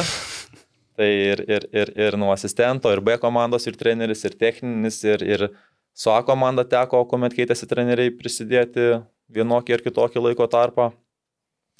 Tai va, ir galiausiai, a, galiausiai prie federacijos prisijungiau šių metų kovą, kovo viduryje. Tai čia geri 15 metų treniravime jau beveik. Ne, tai nuo 2011, tarkim, spalio tai kažkur, tai Nu, 12 beveik. jau šiek tiek yra. Bet gražus toks. Trenerio toks, stažas jau e, skaičius toks. Toks gražus kilimas, man atrodo, visas. Tvarkingas toks. Kažkaip sakau, perėjau tuos, manau, visus žingsnelius nuo, nuo jaunimo, liečiant moterų futbolą, paauglių futbolą, B komandos, A komandos, įvairios pozicijos ir techninio, sakau, pozicija, kur vėl visai skirtinga yra pati vadyba buvo įdomi iš tiesų, tų grupės, grupės trenerių vadyba, metodikos pertikimas, štai kontrolės irgi dalies, tai sisteminimo, tai buvo iš tiesų įdomu patirčių, bet sakau, šiai dienai tai yra Lietuvos futbolo federacija. Turbūt įdomiausias tas etapas literiuose, ar ne? Tai kaip. Jums įdomiausia. Kodėl jokiesi? Nes Ne, tai jums įdomu. aš tai transfer marketą dabar kaip tik žiūrėjau jūs ir average term as coach 0,56 metų. Tai čia turbūt iš visų tų laikinųjų susumuota, kai, kai atleisdavo treneris. Bet rašo transfermarktė dar, kad e, esi dar vis asistent, riteris. Gali būti. Reiktų ten pataisyti kaip nors. Nu. Ne, o kodėl sakai, kad mums įdomiausias tau, ne? Aš nežinau, tai aš kuomet klausiau, apie ką kalbėsim, tai buvo rinktinė, riteriai, A lyga ir Ne, tai, gyvenimas. tai negi kalbėsim ten apie Ozo pro- projektą ir ten apie... Ne, tai aš manau, čia visiems įdomu, kadangi buvo ilgas laiko tarpsnis ir čia tų įvairių istorijų galbūt e, sklando įvairiuose tarpsniuose. Tai, tai Ne, tai gal ne istorijų, labiau gal tiesiog... ne, ne, ne, čia ne, nieko kingo nenoriu sakyti. Uh, tiesiog, kad nu ta trenerių kaita yra turbūt viena didžiausių tarp, uh, tarp visų OptiBeta lygos komandų. Tai natūraliai tai krenta futbolo bendruomeniai labiausiai akis, kai treneriai dažnai keičiasi ir atsidarai ten Wikipedia ir tų trenerių sąrašas ten per, nežinau, 10 metų kiek ten. Nu, aš 20 plus skaičiau, kad trenerių. Vaidas pats 11 trenerių asist, asistavo. 11, aš 10 suskaičiau. Nu, paba gal dar pabandom išvar... pabandyk išvardinti ir Aš Benediktas neišvardinsiu, papildyk. reiktų Ne, atsidaryti. tai tu papildyk tą vieną, kurio nebus Tai paminėtas. aš nežinau, nes A. tik kiekį, žinai. Aš kiekį suskaičiau, bet... Nu, žodžiu. Tai daug, pradėjai su man- gal skarbalium, dešimt, ar gal ne? Buvo skarbalius, tuomet skarbalius vasarą išėjo, buvo perėjo vartininkų treneris e, Aleksandras Rybak, užbaigėm 19 metus, toliau 20 Čiapas, paskui trumpam buvo Lenkas atvažiavęs. Januš Nedvėč. Nedžveč. Tai Nečbeč, jo. paskui užbaigėme su Tomi Pikarainen, Suomiu mm, metus. E, Sekančiais metais pradėjom pasiruošimą su, su, su trenerių štabu, nes su Tomiu kaip ir nesuderino, atvažiavo Sergei Gurenko, irgi, kuris buvo kaip ir vadovas ir treneris e, toliau. Pala, Gurenko buvo trenerių vadovas, ar ne? Kažkaip taip jo ten e, Galbūt pozicija buvo įvardinta. Taip, bet jis buvo vyr treneris tuo metu klube, kuris, kuris pavadinkime taip, kuravo visą procesą ir buvo atsakingas už tą procesą. Mhm. Um, vasarą, kuomet Kurenko iš jo trakys buvo perėmęs uh, komandos vairą, um, tuomet tais pačiais ar kitais metais, jau net nepamenu, Miguelis atkeliavo irgi uh, iki sezono Moreira, galo. Jo, Moreira, taip, Miguelis Moreira. Um, toliau dar kitas sezonas uh, Glenas ir Pablo. Tai realiai čia tokie, su kuriais teko dirbti su vyr treneriais, plus pasikeitė ir vartininkų. dešimt, tikrai dešimt čia buvo. Čia dešimt. Dešimt. Dešimt. Ai, tai tu prie šito naujo jau nebuvai, transfermarktė dar įrašyta, kad Ai, buvai matai, prie jo. šito. Jo, jo. Jo, Tai va, dėl to 11 skaičiau. Viskas Tai aišku. va, tai 10. Ir plus pasikeitė ir vartininkų trenerių, ir fitness trenerių, pasikeitė ir sporto direktoriai, tai čia galbūt iš viso personalo. Tai realiai po Jano Nemojinas ilgiausiai klube, ne? Ne, yra, yra daugiau žmonių, kurie ilgiau. Yra Vladimiras Busmakovas, direktorius, A, kuris va. ilgiau. O toliau Na gerai, trenerių štabe tai tikrai il- ilgiausiai. gali būti. O kame paslaptis? Man pačiam buvo daug labai klaustukų ir net ne faina būdavo tam tikrų metų kažkur ten, nežinau, gal antrais ar trečiais metais treneriai keičiasi, o aš esu toks net pačiam ne faina pasidarydavo. Pilkasis kardinolas. Man įdomu, iš tų vat, visų 10, pavyzdžiui, su kuriuo treneriu geriausia turi ryšį. Iš tiesų su, su, su, su visais, aš manau, turėjau ganėtinai gerą, su kuo bendrauju šiai dienai, tai Skarbalius, Čiapas, Tomis, Valdas, Miguelis. Su visais realiai. Nu, su Nu, pusė. Penki tai su kuriais daugiausiai, su kitais šiek tiek mažiau, bet su šitais tai tikrai tikrai daug ir, ir, ir bet kokiais klausimais, tiek gyvenimo, futbolo gali drąsiai. Aišku, dar Edgaras, nu, kurgi paminėjau, kad daug dar kito personalo keitėsi, kur... O vat, su, aš... kalbant Edgaru Jankausku, čia ir užsimesgė tas toksai, kur Jankauskas vat, jau pasiemė į rinktinę, ar iš anksčiau jūs jau kažkokiu turėjot susikirtę keliai, kažkur bendravę ir, ir jau buvo matęs treneris pati? Aš manau, kad treneris buvo, Jankauskas irgi buvo kelis kartus prisijungęs prie, prie klubo kaip uh, pagalba iš šono polėjams, kelias treniruotės tiesiog pravesti, įkvėpti galbūt. Kaip nepriklausomas. Jo, kaip, kaip iš šono outsourcingas. Nepriklausomas atstovas. Taip. Panašiai, tai va, iš ten buvo galbūt, bet realiai tai, tai praėjusią zoną, kuomet, kuomet prisijungė jau prieš tabo, tai daily workas, tai tuomet taip dažniausiai, nu kaip, kontaktuotumėm, bendravom. Tai aš manau iš čia pagrindą. O tai gerai, o tai iš talis nu, ten smarkius tu susidarė su žaidėjais ar... Ką tokius darė? Smarkius vakarėlius su žaidėjais darė aš talis. Nežinau, net nebuvau, tai negaliu atsakyti. Man dar įdomu, at, iš, tų, iš to viso sąrašo trenerių, pažiūrėjau, ar buvo toks treneris, kur galvoja, blemo gaila, kad jį nuėmė? Taip. Galvoju, gal, tipo, anksčiau per ankstybiški nuėmė, galėjo dar palaukti. Tai ne tik, kad nuėmė, buvo, kurie ir patys išėjo, tai čia įvairių tų scenarių buvo, ten buvo sustarimų su treneriais, čia aš jau nežinau asmeninių tų detalių, bet, bet tikrai buvo ne vienas treneris, kuris turėjo savo labai ryškių tokių stiprybių, vienokių ar kitokių, kurios nu, tikrai yra nu, lyderi, labai stiprios iš tiesų. Iš A lygoje nu, stiprus buvo. A lygoje buvo stiprus labai. O Aš buvo atsimenu... toks, dar, dar vienas. Ar buvo toks, kur, kur atvažiavo, e, biškai pabuvo ir galvoja, ATF, ką iš čia veikia. Taip. Ar buvo toks treneris? Iš tų visų, šitų visų ja. su kuriais buvau, tai tokio nebuvo, nes, kaip minėjau, visi tokie buvo. Tai turėjo savo skirtingų, savo, ja. bet skirtingų. Kažkas e, bendravime, kažkas uh, vadybo viso, viso štabo, kažkas taktiniai dalykai, kažkas uh, galbūt psichologija, kažkas uh, skirtingos Taip, dalys. Visus, stiprybės. visus sudėjęs gautus geras treneris labai man. Gautųsi, wow. wow. Man visus dešimt reikia paimti tada vienu, vienu metu ir dalintis. Aš atsimenu, labai futbolo bendruomenė buvo nustebus, kai Pikarainenas neliko, tas Suomis. Nes jisai atėjo kažkaip ten likus keliem mėnesiam iki sezono galo, gerai užbaigė. Ir visi galvojo, kad liks, bet ten ilgai užsitęsė kažkaip. Ką reiškia gerai užbaigė, čia kuris sezonas? Nes rytai Europą nežaidžiau kiek? Treti metai. Čia, kuomet mes žaidėme Europoje ir, ir, ir e, prašokome pirmą etapą. Čia buvo, tai buvo 2.20. Prašokot? E, ne. Nes. Nepamenu.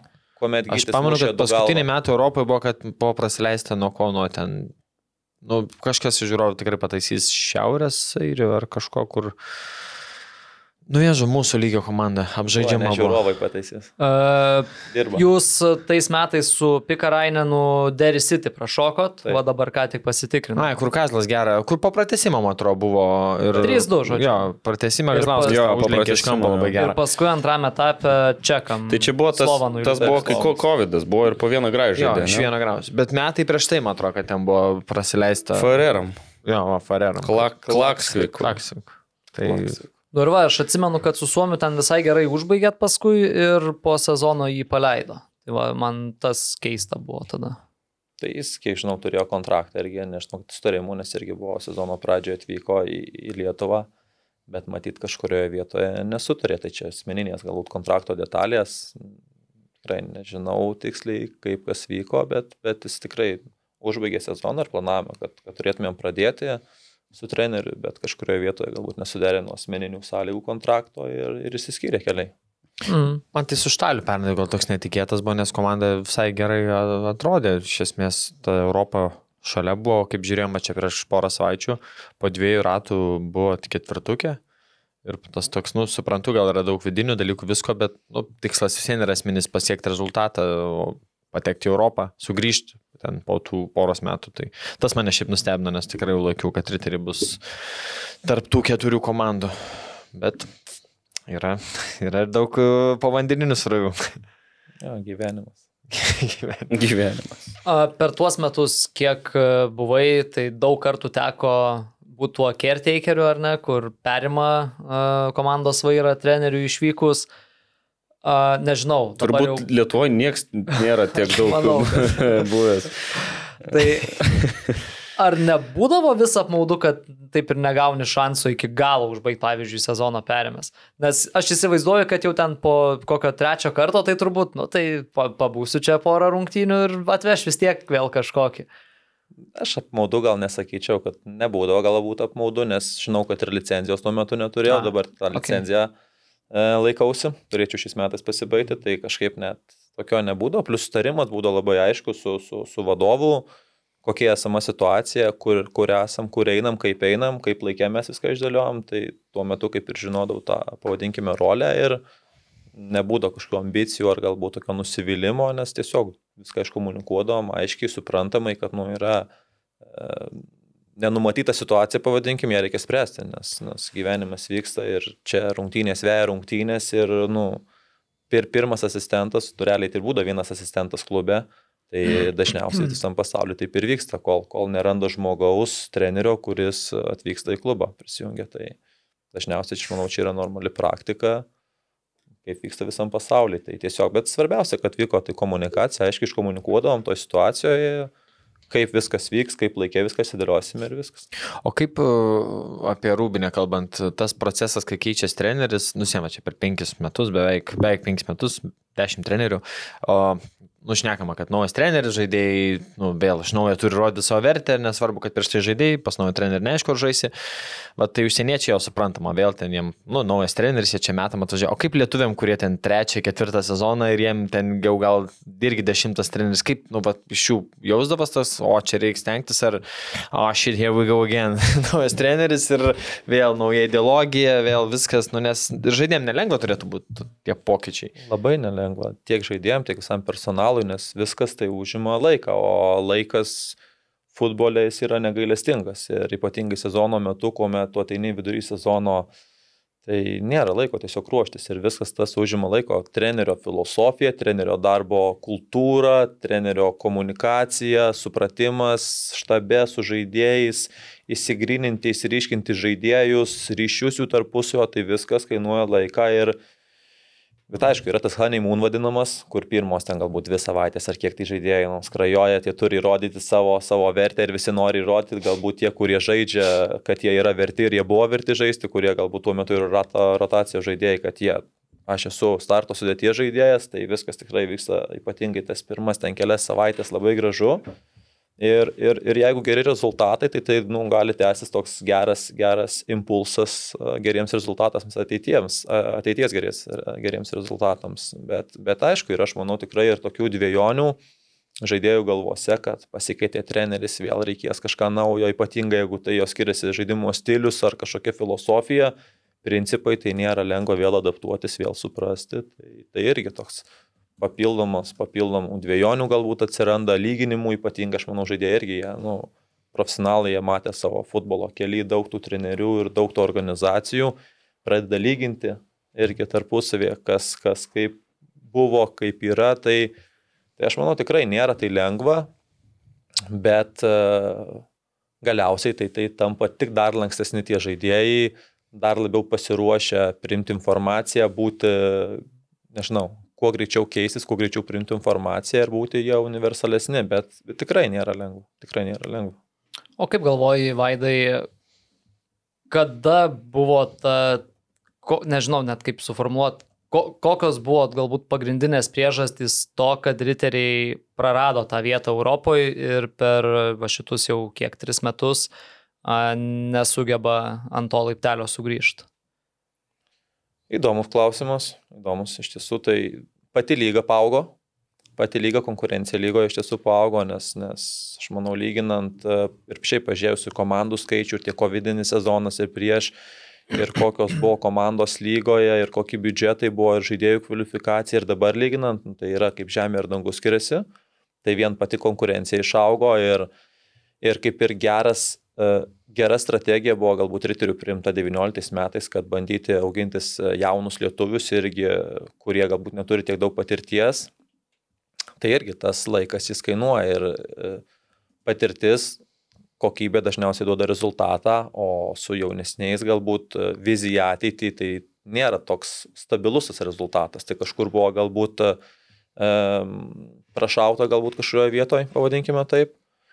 Nes matome dabar patyrę komandos, kurios dominuoja čempionatuose, visos turi patyrusius žaidėjus, kvalifikuotus, tai kažkiek šitoje vietoje yra aišku, tie, tie kvalifikacija kitų komandų paaugo ir kadangi daug žaidėjų turėjo ilgalaikius kontraktus, nes buvo tikima tais jaunais žaidėjais, tikrai kontraktai netgi išpirkos buvo mokamos kai kuriems klubams, nes tikrai Riterių kitas klubas, kuris mokėjo ir išpirkas, tiems klubams, kur jauni žaidėjai perskelbo iš vieno klubo į kitą klubą, tai tikrai pat žinau tų tų istorijų, kai mokėjo ir išpirkas, tai automatiškai pasirašydavo ilgalaikius kontraktus, kai turi ilgalaikius kontraktus su brandoliu žaidėjų, tai nėra taip lengva galbūt juos pakeisti ir, ir galbūt tuo metu ne viskas vyko taip, kaip buvo planuojama, kad vyks. Tai šioje vietoje dabar matome tikrai labai sudėtingi čempionatą, sudėtingas ir pernai metų istorija parodė, kad paskutiniuose turuose sprendėsi tos vietos prizinės ir šiais metais matome, kad daug netikėtumų yra lentelėje Tai tikrai nėra lengva. Tikrai nėra nes ir, šiaip, lengva. nes ir šiaip buvo tokia e, eilė sezonų, kai tie patys klubai vis uh, gaudavo tas europinės vietas, o dabar matoma. Hegelman šiemet debituoja, panevežys pernai debitavo jo, tik tai...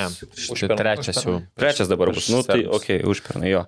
Jo, tiksliai serbais dar žaidė. Nu, tai va, irgi to, o tų vietų tai neatsiranda daugiau.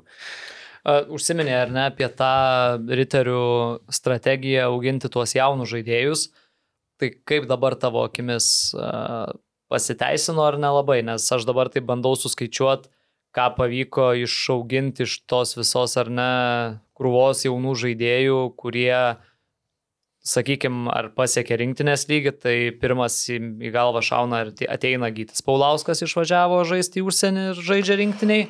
Bet čia tik lietuvius turiu minėti. Jo, aš apie lietuvius dabar. Kas dar? Barauskas. Ava, Dominikas Uf, Barauskas. Gali sakyti auginimas. Ne, nu jo, nu jisai riteriuose atsiskleidė galų gale. Na nu, taip, Tai Žalgeris nelabai jo, programų. Jisai, nu, Dolžnikovas, trys, kas dar. Filipavičius praeitą sezoną turėjo gerą, šis už šį sezoną mm. šiek tiek sunkesnį. Bet jis pernai irgi antrojo sezono pusį, man atrodo, įsivažiavo labiau, bent įvarčių prasme, ten jau pradėjo štampuoti, tai pamenu labiau po vasaros jis ten Mhm, taip. įsivažiavo. Bet vis tiek branda, aš taip sakau, patirties jau tam lietuviškam futbolui šiek tiek yra, kiek čia 5-6 metų tiesioginės, tai realiai branda lietuvių pačių ateina, aš taip manau, 23-4 metai, iš to jauno žaidėjo virsmas į, į tokį jau, jau, kuris gali pradėti duoti rezultatą ir save atsiskleisti. Tai natūralu, kad žaidėjai, kurie gimė 98-9 metais, dabar jau 2000-aisiais, kažkas netgi 7-ais dabar atsiskleidžia. Tai matom Šiaulių pavyzdį šiai dienai, kur branduolys yra galbūt 8-7 metai, kad tikrai jau jie demonstruoja formą ir duoda rezultatą. Jaunesniems žaidėjams jie dar tokie daug lūkesčių yra ir labai dar banguojantis yra. Tai, tai, tai tie va prieaugo, galbūt šitie iš, išvardinti pagrindė žaidėjai, kai kurie, kai kurie nepritapo, kai kurie galbūt nepritapo, kiti dar yra teikiantis daug vilčių ir dar jiems reikia galbūt metų dviejų, aišku, reikia visų pirma žaisti. Tai metų Mhm. dviejų ir tikrai dar gali atsiskleisti, yra tų, tų gabių žaidėjų, yra dabar išnuomotas iš Riterių, Juozas Lubas į e, Džiugą, yra Matas Ramanauskas, kuris tikrai yra nu, solidus A lygos žaidėjas, dar reikia galbūt žingsnio metų priaukti iki, iki, iki sekančio laiptelio. Yra Valdas Paulauskas praeitais metais irgi įdomus žaidėjas, toks specifinis savo kartos, vienas talentingiausių galbūt irgi buvo toks atakuojančio plano žaidėjas, bet, bet jų nemažai yra vėlyvo brandimo ir jiems dar reikia šiek tiek laiko priaukti, aišku, reikia minučių. Be minučių labai sunku. Tai tikrai yra 5, 6, 7 žaidėjai, kurie, kurie drąsiai kabinasi bent jau į A lygą. Ką minėjot, jeigu išvykimas į užsienį, tai realiai du išvyko, tai išvyko Gytis ir, ir Dominikas. Aišku, Dominikas jau atvyko, jisai buvo pažaidęs ir vis tiek ir buvo Atšalgeris ir Stumbras. Denis ir Sūduva. Stumbris, ir Stumbras ir Sūduva, tai jau buvo matęs to vyrų futbolo ir buvo daug metų matęs. Mm. O iš užsieniečių, kas galbūt buvo talentingiausias atvykęs žaidėjas į riterius, su kuriuo teko dirbti per tuos metus?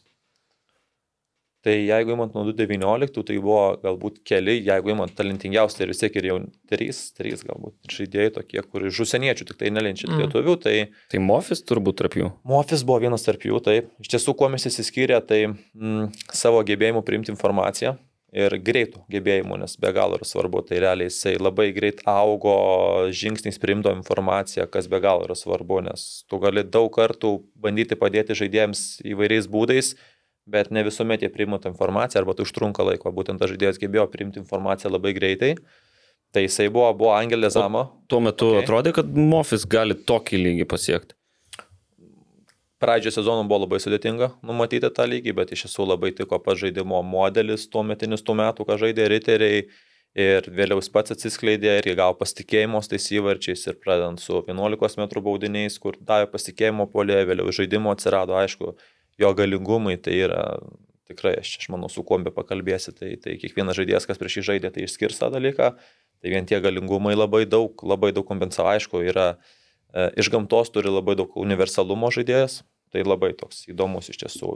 Bet ką minėjau, aš galbūt išskirčiau tą gebėjimą priimti informacijos, nuolat mokintis ir aukti, ir jisai toks buvo įdomus, įdomus iš tiesų. Jam tiktų tas uh, started uh, here, uh, started from the bottom now here nuo lygos ir tada tą įvartį Fiorentinai, man atrodo, per save, ar kam jis ten įkalė tą konferencijų lygos playoffuose, ten wow, pažiūrėjau, taip, ai, jis prieš tris metus pas mus bėgiojo. PSG irgi mušė, man atrodo. Jo, Mušė ne kartą. mušė, Ne kartą, bet šiaip tą per save ten, lemon, jo. žiauriai gerai. Ir du įvarčius tose rungtynėse irgi mušė. Tai jo, spūdingai. Ir dar vienas dalykas, aš girdėjau e, gandų, nu, čia labiau ir teorijų, kad jam nėra tiek metų, kiek iš tikrųjų pasiep. Bet čia apie daug turbūt tokių gandų būna, ne? Prie, nu, Afrikos, lygį, e, Jo, nes ten su tais dokumentais ne. Tai dabar šiaip apie Onazį išlindus Apie informacija, kad keturiais metais vyresnis. Net jau Ne- nazį, ne atrodo kaip devynimantų. 56.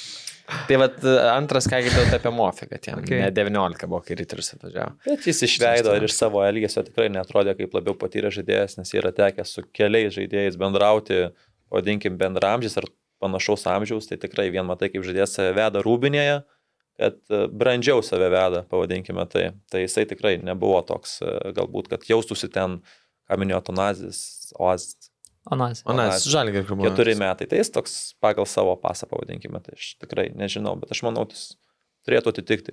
Ok, tęsiam. Tai Mofis, Lezama.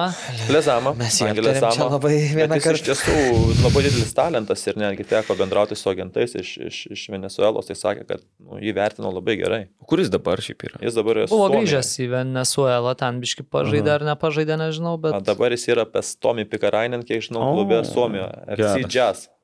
Trečia galbūt ar ketvirta lyga. Jo, trečia. Geras. Jis yra ten dabar, po kryžminių, man atrodo, jis yra.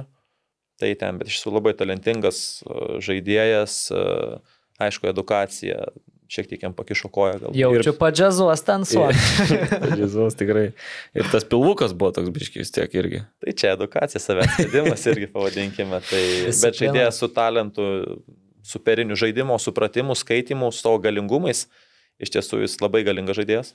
Labai galingas žaidėjas, nors nežiūrint į ūgį, į sudėjimą, bet pasigalingumai, genetika labai gera ir aišku, žaidimo supratimas, išpildymas situacijų. Tai nu, unikalus jisai. E, Marko Pavloski, kuris buvo irgi tikrai stiprus labai žaidėjas, e, kvalifikuotas labai ir kaip žmogus, labai, labai toks e, šiltas, geras, tai, bet irgi labai kvalifikuotas žaidėjas.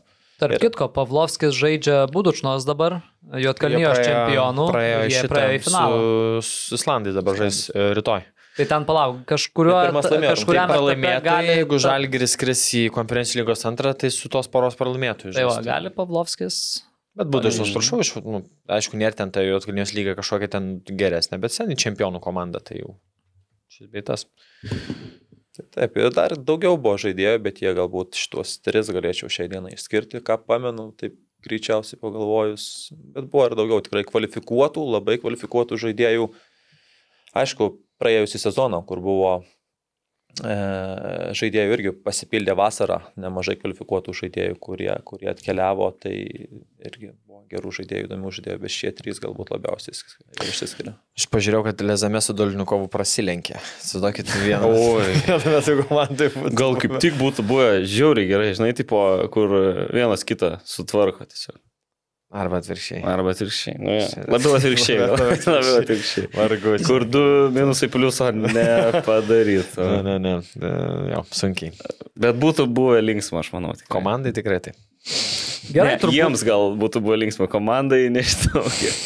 Taip, e, užbaigdami gal apie riterius, pereisim ir prie to, kas vyksta dabar Lietuvoje OptiBeta lygoje. Tai dar šį sezoną dar pradėjai Vilniaus riteriuose prieš jau pe, pereinant pilnai dirbti į nacionalinę rinktinę. Tai ar šio sezono pradžioj, kai šiemet jau ta komplektacija vyko kitaip nei pernai, jau anksčiau tų žaidėjų daugiau buvo aišku, kurie atvyksta į komandą ir nebebuvo, kai mes prieš praėjusį sezoną spėliojom, kad ten dar spėlionės darėmo, dar sudėtis buvo nu, neužpildyta, tai šiemet buvo kitaip. Ar buvo kažkokių, nežinau, tavo akim minusų komandoj, kažkokių spragų didelių, kad matytume va tokį rezultatą, koks dabar yra riterių. Devinta vieta, 14 taškų per, per 19 mačų, kiek čia įmuštų įvarčių? 9 per tiek rungtynių. Tai ar, ar toje sezono stadijoje buvo matyti kažkokių, nežinau, va, tokių red flagų ženklų, kad gali būti negerai? Galbūt tokių ryškių nebuvo, retpliavų kažkokių ženklų matyti. Aišku, vėl pasikeitė nemažai žaidėjų po praėjusio sezono. Ir, ir stuburė pasikeitė nemažai žaidėjų, nes ir priink stuburą, tai vainkim, tai vartininkas centro gynėjai, vidurio saugai, priekis polimas, tai stuburė pasikeitė nemažai žaidėjų, tai yra natūralu, kad e, ateina nežinomybė, nežinai, kaip pavyks, ar, ar jie pritaps, ar jie adaptuosis, ar jie ras ryšius, kaip greitai ras tuos ryšius, tai tikrai galbūt tai atrodė ganėtinai protingai dėliojimas tas komandos paveikslas ir ta idėja. Ir, ir tikrai yra kvalifikuotų žaidėjų šiai dienai, kurie atitinka tikrai A lygos lygmenį ir manau, kad tikrai komanda galėtų ir turėtų būti aukščiau negu ten, kur šiai dienai yra. Ar riteriai labiausiai nuvilinti komandą šito sezono tavo akim? Vis tiek sentimentai, viskas, ar yra daugiau? Nes, nu, tų komandų, kurios nežaidžia turbūt pagal savo galimybės, yra ir daugiau lygoje. Yra tikrai daugiau. Tai realiai tris galbūt šią dieną įvardinčiau. Tai, tai kas, kas galėtų būti aukščiau, pavadinsiu taip.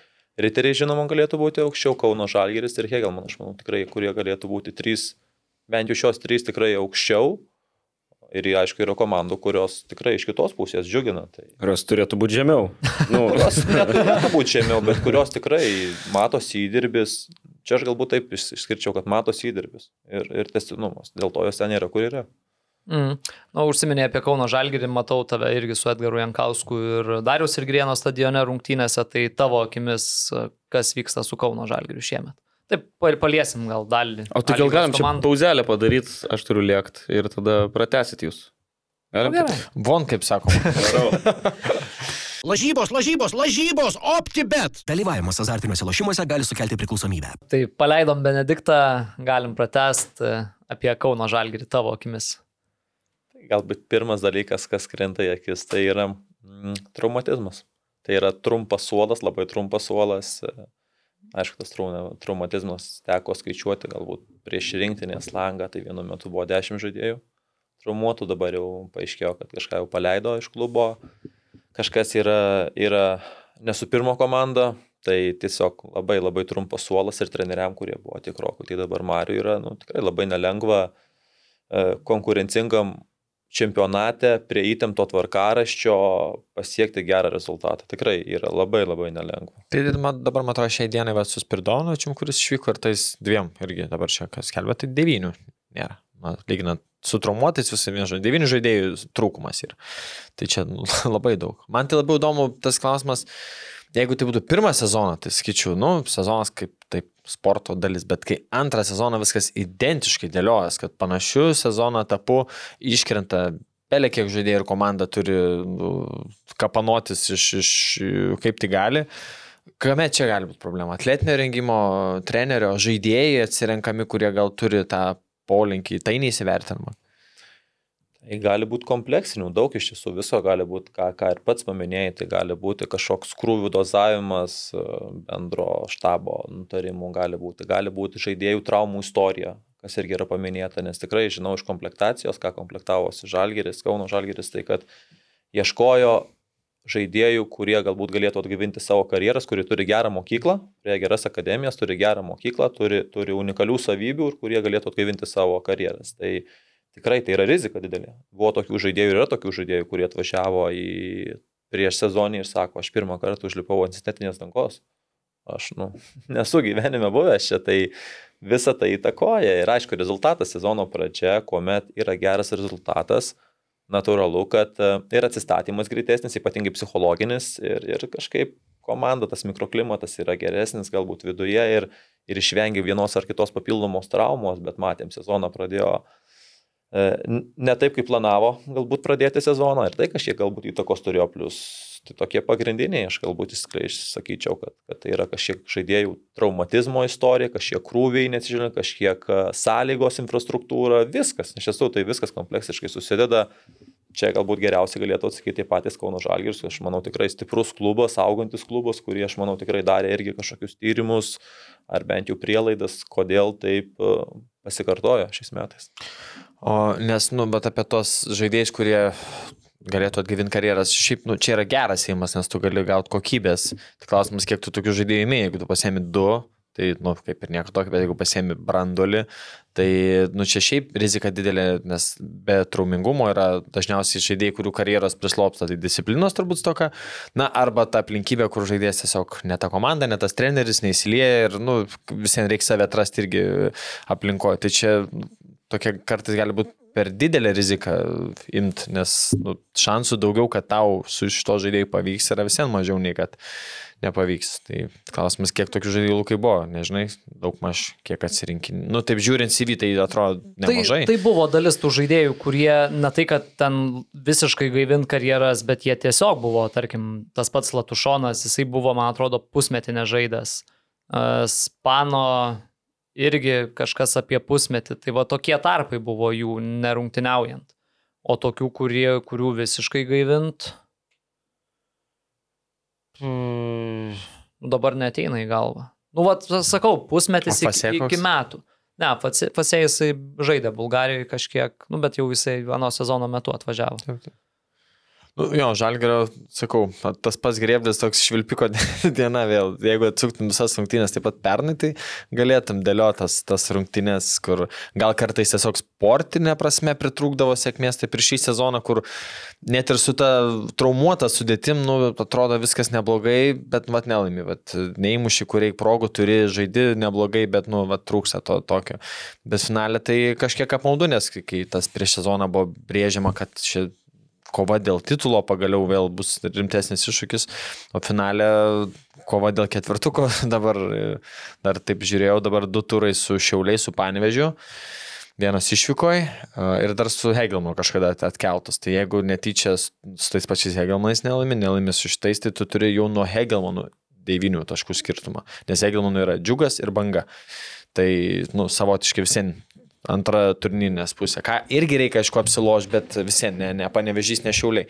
Tai stiprybės, stiprybės žaidėjim. Po rungtyniniuose tose interviu dabar Marius Tankievičius daug akcentuoja, kad neišeina susikurt komandai tų progų į žaidimo, kad trūksta atakoje to, to kūrybiškumo. Tai kaip tu tą žiūri dabar irgi? Nu, tarkim, galim imti net ar ne rungtynės su Vilniaus Žalgiriu, kur 2-5 pralaimėta. Uh, Ar ten ir buvo didžiausia problema? Paskutinės rungtynės irgi stebėjau. Nuotolinio, aišku, būdų stebėjau šias rungtynės, tai e, penki įvarčiai daug, bet, bet realiai tuos pirmą kelnį, ką mušė įvarčius, tai visus realiai momentus, ką turėjo ir įmušė, tai pirmas įvartis, nu, tai tikrai fantastinis iš smailaus kampo, uh, toliau dar du įvarčiai, galbūt kur, kur primigo kažkur gynybos linija kontratakas, realiai du įvarčiai iš kontratakų, kur tu, kur tu aišku, metė daugiau pajėgų, Kauno Žalgiris į priekį kažkiek atsivėrė plotų. Tai, tai tokie, bet realiai Vilnių Žalgiris neturėjo daugiau kažkokių labai realių didelių šansų, netgi aplamai nebuvo labai daug didelių šansų rungtynėse, per to galbūt įvarčio, kur ten, pavadinkime, tuščius vartus nuo linijos iš vartingo aikštelės ir įdeno. Aišku, kampinės galva yra didelis šansas, nes arti vartų Standarts, geras momentas, patogus, patogus įvarčiui. Bet šiaip tai uh, pritruko, aišku, tas pas Havė irgi gavo traumą anksti rungtynėse, teko pakeisti, tai vėl vis uh, matom iš praeito sezono, kad labai įdomus žaidėjas ir gebantis pats daryti skirtumą aikštėje, tai nėra daug tų žaidėjų atako šiai dienai, kurie galėtų daryti skirtumą e, priekyje. Ir komandiniais veiksmais nėra lengva iš tiesų, nes nu, Marius Tinkievičius šiandien tenka žaisti su, su, su daugiau uh, galbūt e, gynybinio stiliaus žaidėjais, tai atakoje tikrai natūralu, kad jeigu tu norėtum žaisti kažkokį dominuojantį futbolą, e, nežinau, kombinacinį dominuojantį futbolą su rotacija žaidėjų, su kažkokiam situacijom, kur tu norėtum kurti, tai yra, yra šiek tiek sudėtingiau. Tai jeigu tokium stilium renkėsi žaisti, tai yra sunkiau, žinoma. O ir Vilnių Žalgiriui tas visiems neužsidarimas toks, kokį gauna ten iš Džiugo, iš Dainavos ar iš kitų komandų, irgi davė oro gurkšnį kurt, aišku, jo, tai realiai turėjo tas penkias progas, kur ir įmušė. Iš esmės ten kažkur, tai iš toli smūgiai, nebuvo nei jie pavojingi per daug nei ką, tai tiesiog ta diena buvo, kur visi penki sukrito, galėjo sukristi ir du ir gal tenais galėtas būtų kitaip. Bet uh, dėkingiau ir jiem buvo taip psichologiškai, nes, pavyzdžiui, prieš dainą važiuot, kur ten 48 minutė, 7 žaidėjai baudos aikšteliai, polėjas ten vos ne jau ant 20 metrų, o čia tu turi plotų bėgti, tai jam irgi manau, kad uh, ki kitaip ir žaidžias, kai žinai, kad turėsi kur, kur bėgti, o tų progų nemažai, nu, išbėgimų bent turi. Faktas. Jo, tai grįžtant prie Kauno Žalgirio, tai panašu, kad jau tų žaidėjų kažkiek atsigaus ir po traumų. Karolis Uzėlo atvyko. A, o jau kurie... kaip šypsos tai nuotraukai, kur su marškinėliais, jau toks paniuręs jau. jau taip sunkiai spaudė tą šypsenėlę. Jo, tai pasakyti. to papildymo bus ir daugiau, tai, nu, matysim. Aišku, tas laikotarpis ir dabar ne, nebus, kaip ir Tadas minėjo, lengvas, laukia ir Europą, tai bent jau, kad turėt pasirinkimo. žaidėjų. Nu, mes taip žiūrėdami rungtynę stadionė buvom, tai sakėm, nublemba, jeigu su Vilnių žalgiriu čia taip, jeigu neįsilažys ten tų traumų ir pasipilimų nebus, tai ką Lechas padarys, tai mm, čia kas gali gelbėti, tai kad Lenkų sezonas irgi tik prasidės uh, Liepos durį. Turbūt tik bus tik ką susirinkę, tai kad vėl bus ir pasikeitusių žaidėjai, turbūt ir išvažiavę po tokio gero sezono, bet, bet visiems tai nu, aukšto lygio komanda, tai mėnesis laiko apsidirbti. Visiems norėtųsi, kad nu, duotų kovos ir, ir, ir gal net aš tikiu, jeigu prie gero aplinkybių gal ir praeitą netyčia.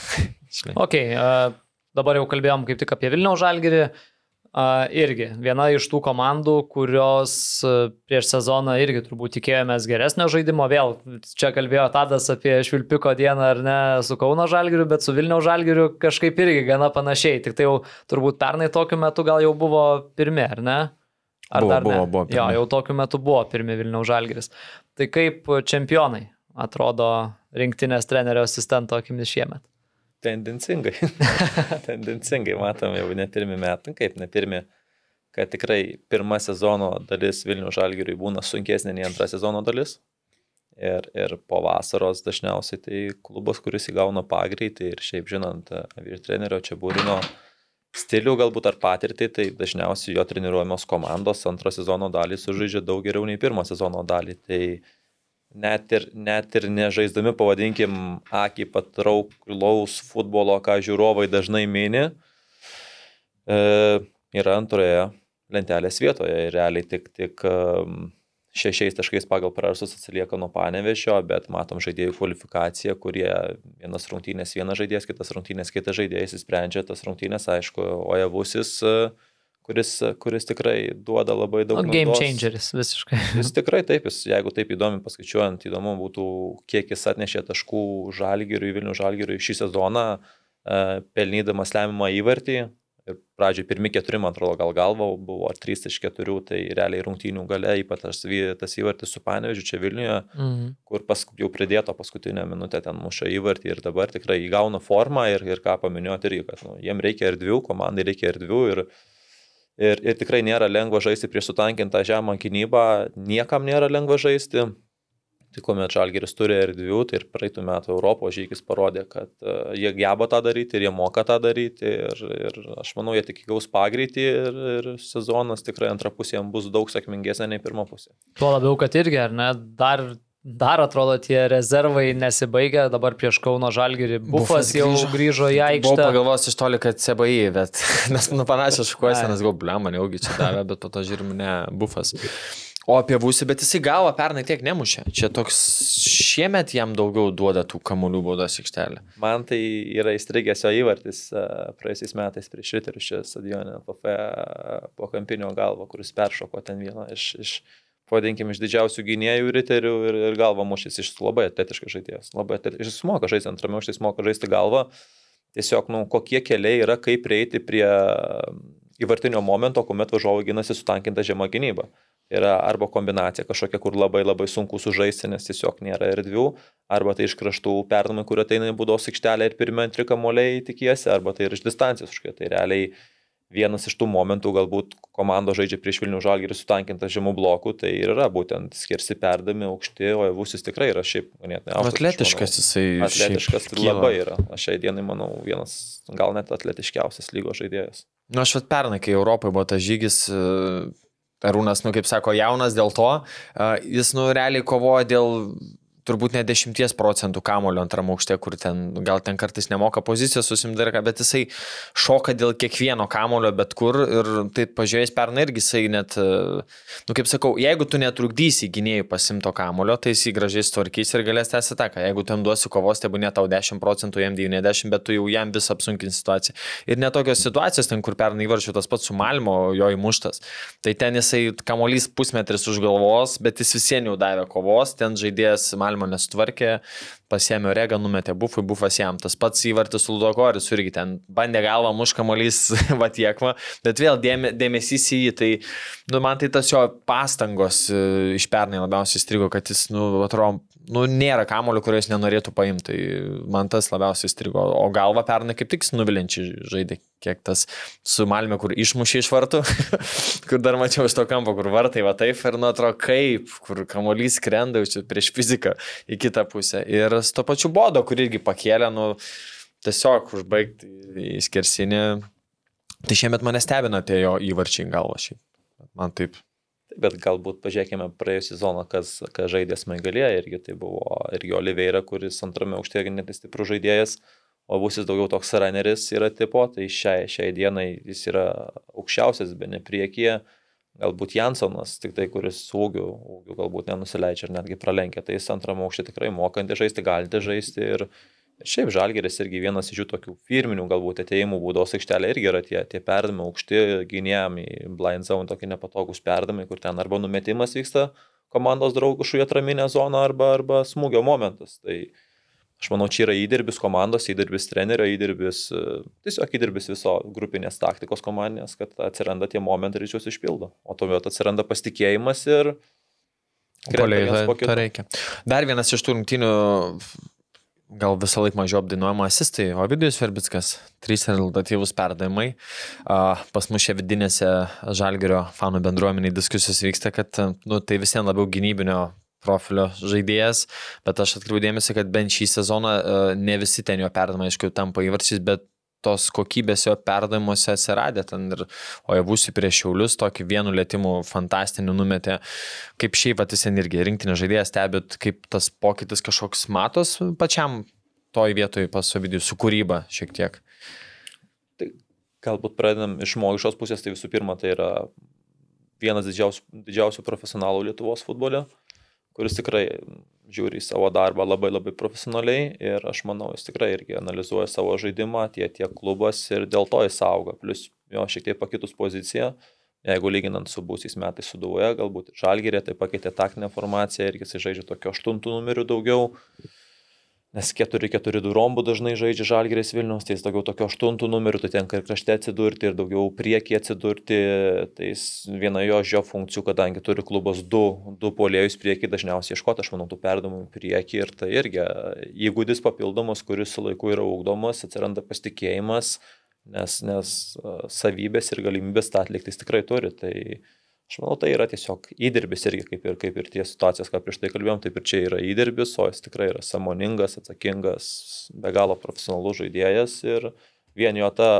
istorija ūkdymo, kuomet jis buvo irgi daug metų išvykęs į rytus irgi ten praėjo tikrai rimtą, stiprią, stiprų akademinį lygį, buvo ir kapitonas irgi savo, savo komandos. Tai, Zenitė neklyso, neįsivo. Tai, tai vis vien tai yra brandas, tai yra brandas, tai yra stiprus brandas, plus Marijampolė irgi atliko uh, tikrai ryškų labai vaidmenį ir, ir, ir dabar žalgyrė, tai realiai vedančiose klubuose Lietuvoje, kuris, kuris nuolat rungtyniauja ir yra brandus žaidėjas, kuris duoda rezultatą klubui. Tai tikrai jo tas pernamas ypatingai, man atrodo, prie, prie ketvirto ar penkto įvarčio su Kauno Žalgiriu. O, o jau penkto, o jau būsiu kur. Būsiu, tai čia, aš jau per kamerą žiūrėjau, duok į kairę, bet į dešinę, tai čia wow, wow. Aš tiesiog... Aš kaip tik iš to priekio žiūrėjau jo ir atrodė, nu, gynėjas biški galbūt koją labiau ištiesęs ir, ir būtų perėmęs. Bet čia yra kito lygio perdamas, aikštės matymas. Tai iš tiesų pamatom, kad nu, kartelė ir žaidėjo galimybės yra tikrai didelės ir potencialo, ir galbūt įvertinimo pačio žaidėjo tikrai gal net ne visi taip įvertina, kaip ir pats minėjai, kad ta,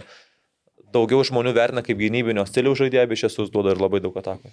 Ir kitas dalykas irgi, na, nu, aišku, čia nežinau, kiekvienas skirtingai mato, bet e, tokių irgi girdėjau, kad nėra tas, kuris tiek eitų į kamolį panašiai, o man kaip tik dar va, išskirtinė Ovidijų savybė, kad nu, karys eis dėl kiekvieno kamulio, sprintai, viskas man sužavėjo iki šiol kaip ir Šverenšvaras, jis ten iš gynybos atskuto greičiau ten neįdžiavo ir Onazis ties viduriu būdami, tai toks irgi patinkanti savybė. Tai čia profesionalumas, tai čia yra tiesiog žaidėjo profesionalumas atlikti savo darbą maksimaliai gerai dėl bendro komandos tikslo, tai čia visiems tik to reikėtų palinkėti, lygiuotis tokį žaidėją, ne tik tuo met, kai gerai viskas yra, rodys savo geriausią formą, bet ir kai, kai, kai tu galbūt esi rotacijos žaidėjas ar kažkas nes, nesiseka, nesigauna, kad išlikti tuo profesionalu jau, nu, tikrųjų tuo profesionalu. Tai čia yra tiesiog pavyzdys e, jaunoms kartoms.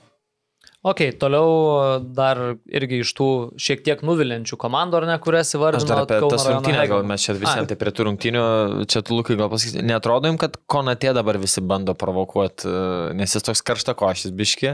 Kažkiek. Ir jau tos, ta, aišku, Konatė šalia Vučūras, mm, Balkanai, kaip čia netikėta, nes jis jau tenais pirmose rungtynėse su kažkuo tengis su Žalgeriu ir šiaip vis atsiduria tokiuose, tai nėra, kad čia kaip su šito Rudinilsonu, kur jau pajuto, tie Balkanai jamgi čia kraujas.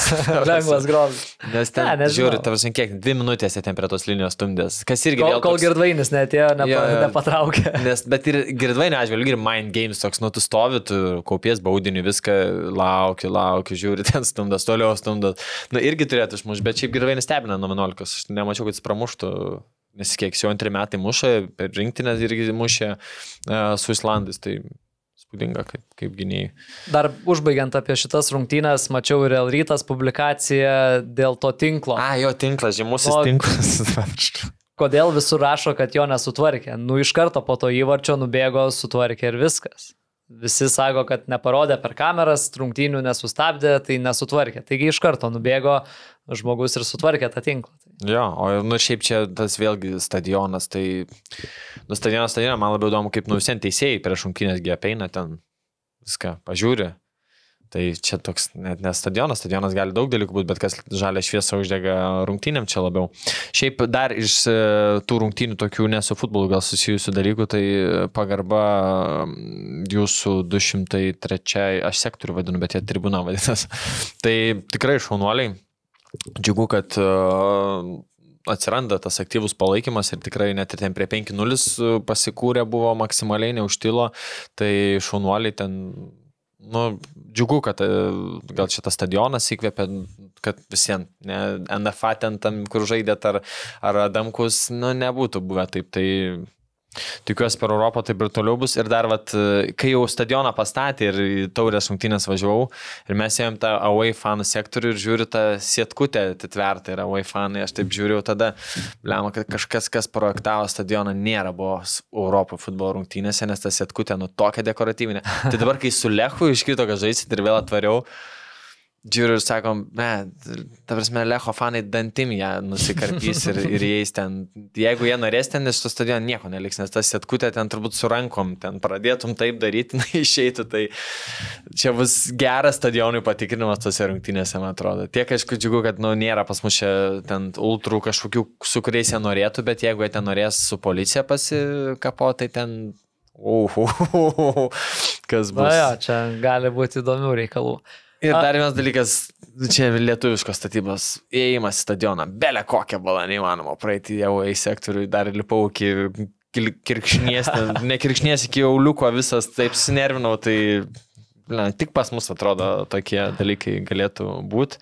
Bet čia samoningai. Labai sektorius. Nėra ko, nėra ko mėgautis e, šituo. Nu jo, toletus lauko dar pastatys kokį dar kažką. Ir šiaip dar diskutam čia vėlgi gal toks e, nesufulė. Kaune dėkingai yra bus statiniai tiek e, arena, tiek stadionas, nu, away fanam, tarkim, Lietuvos mastu, tu atvažiuoji stoti, tau vienas dešimt minučių arba kitas dešimt minučių. Vilniui abu, nu, ir stadionas, kuris tikėkime, kad bus ir ten krepšinio arena yra nustatytas belia kaip toli. Tada pagalvom, nu, tarkim, pastato stadioną, žaidžiam čia vėl kokį europinį graivį ir gaunam kažkas, kas turi fanų, žinai, atvažiuoja pusantro tūkstančio ten tų fanų. Kurie eisena darytų? Nuo Hesburgerio apačioje to geležinio ir, ir to kalnų kiltų, visą geležinius daro, ar ten pro kitą pusę, ar nuo Ozo, prasme, ant kiek, nu, iš dalies ir sugadins, nes visiems tos iššūkos fanai, kad važiuoja, nu, reiginys yra, nori, nenori, tai Vilnius turbūt to, to nepamatys. Tai galvom, kurioje vietoje vad Vilniui būtų logiška, vad įdomu, stadiono vieta, kad galėtų būti, vad, nes Kaune tai perfect, ten gali nuo kur nori tą įsieną daryti, tenais iš, iš centro, iš, iš stoties, kaip tik sugalvoji. Vilniui tai, sakau. Bet rimtai čia, jeigu tarkim Vilniui būtų ir reikėtų, žinai, su, nu šiaip susisiekimas, tai turėtų kažkokie specialūs vos ne autobusai vežti į stadioną ir panašiai, nes, nu, žiauriai nepatogu. Taip, taip, tai nustaties, tai sakau, jeigu darytų eiseną, pusantros valandos pastutė, nu, tai eisena dvi su pusė. Bet dar į kalną reikėtų lipti. Ir dar į kalną ten, nublema. Tai jo, tai kaunetas dėkingai gerai vietoj. Ir apie tas rungtynės turbūt e, tiek. OptiBet, lošimo automatai, OptiBet. Dalyvavimas azartiniuose lošimuose gali sukelti priklausomybę. Tai Toliau. pereinam prie tos dar neapkalbėtos komandos, Hegelman ar ne, vakar kaip tik pergalė prieš Šiaulius, 3-1, Šiauliai pirmą kartą per kiek, per 3 mėnesius a, pralaimėjo. A, tai ar matosi kažkokie atsigavimo ženklai Hegelman žaidime, ar, ar nežinau, ar Šiaulių prastos rungtynės? Iš tiesų tai nemačiau gyvai tų rungtynių, nes vakar stebėjau U17 irgi Baltijos taurę identiškų metų vyko, tai, tai neteko matyti, mačiau tik tai santrauką. Tai nelabai galiu apie pačias rungtynės pakomentuoti, bet apie Hegelman komandą kalbant, tai šiek tiek netikėta ir kad jie, pavadinkim, yra tik ketvirtoje lentelės vietoje šiai dienai, nes tikrai yra komplektacija, kvalifikacija žaidėjų ganėtinai gera. Vėl ką paminėsiu, kad pakeitė nemažai žaidėjų iš savo stuburo. Tai, tai pasikeitė žaidėjų ir gynybos grandyje, ypatingai saugų grandyje ir, ir priekyje pasikeitė nemažai žaidėjų. Tai kaip ir matom, komanda, kuri gali įmušti ir vienas rungtynės penkis ne problema įmušti, e, bet gali ir pralaimėti 1-0 ar, ar kaž, kažkaip panašiai. Tai iš tiesų labai banguojanti ir, ir pritrūksta dar to stabilumo, bet potencialo, tai aš manau, turi jie labai daug ir tas suolelis tikrai nėra toks trumpas, kaip, kaip galbūt apkalbėto Kauno Žalgerio. Plus Aleksas Sauza grįžo. Plus Aleksas. Plus... Bet nežaidė dar vakar. Ne, tai dar, dar langas. Ai, tri- 30 atsidaro, ne tik tais. Ar Liepos pirmą dabar Nu, tik. tai sme po. Tai ir jis, ir, ir, ir dar, dar galbūt uh, ieško papildomų žaidėjų į, į, į sudėtį. Tai aš manau, kad jiems antrą sezono pusė bus irgi uh, daug geresnė nei pirmo sezono pusė, nes atsiranda tikrai ryšys tarp tarpusavio, o įeina ir žaidėjai galbūt į, nevadinčiau, kad tai sportinė forma, bet į tokį pasitikėjimą. Uh, aišku, bus ir tų rungtynių, jau tvarkaraštis bus uh, dėkingesnis komandoms, e, galės galbūt treneris remtis tais pačiais žaidėjais ar brandolių žaidėjų, nes tai bus vis tiek e, dažniausiai rungtynės vyks, e, bus pilnas mikrociklas, tai septynios dienos plus minus šešios dienos, kuomet galės didžioji dalis tų pačių žaidėjų žaisti ir tai atsiras dar papildomas didesnis tarpusio ryšys. Ir aišku, ką minėti, keli žaidėjai, jeigu dar pasipildys individualus, kurie, kurie priekyje gali sutraukti varžovų dėmesį ant savęs, atlaisvinti komandos draugus, tai tai turėtų dar papildomą kažkokią naudą duoti uh, būtent Hegelman komandai, o tikrai teko dalyvauti, stebėti jų treniruotės ne vieną ar ne dvi ir, ir kalbėtis ir su žaidėjais, ir su treneriu.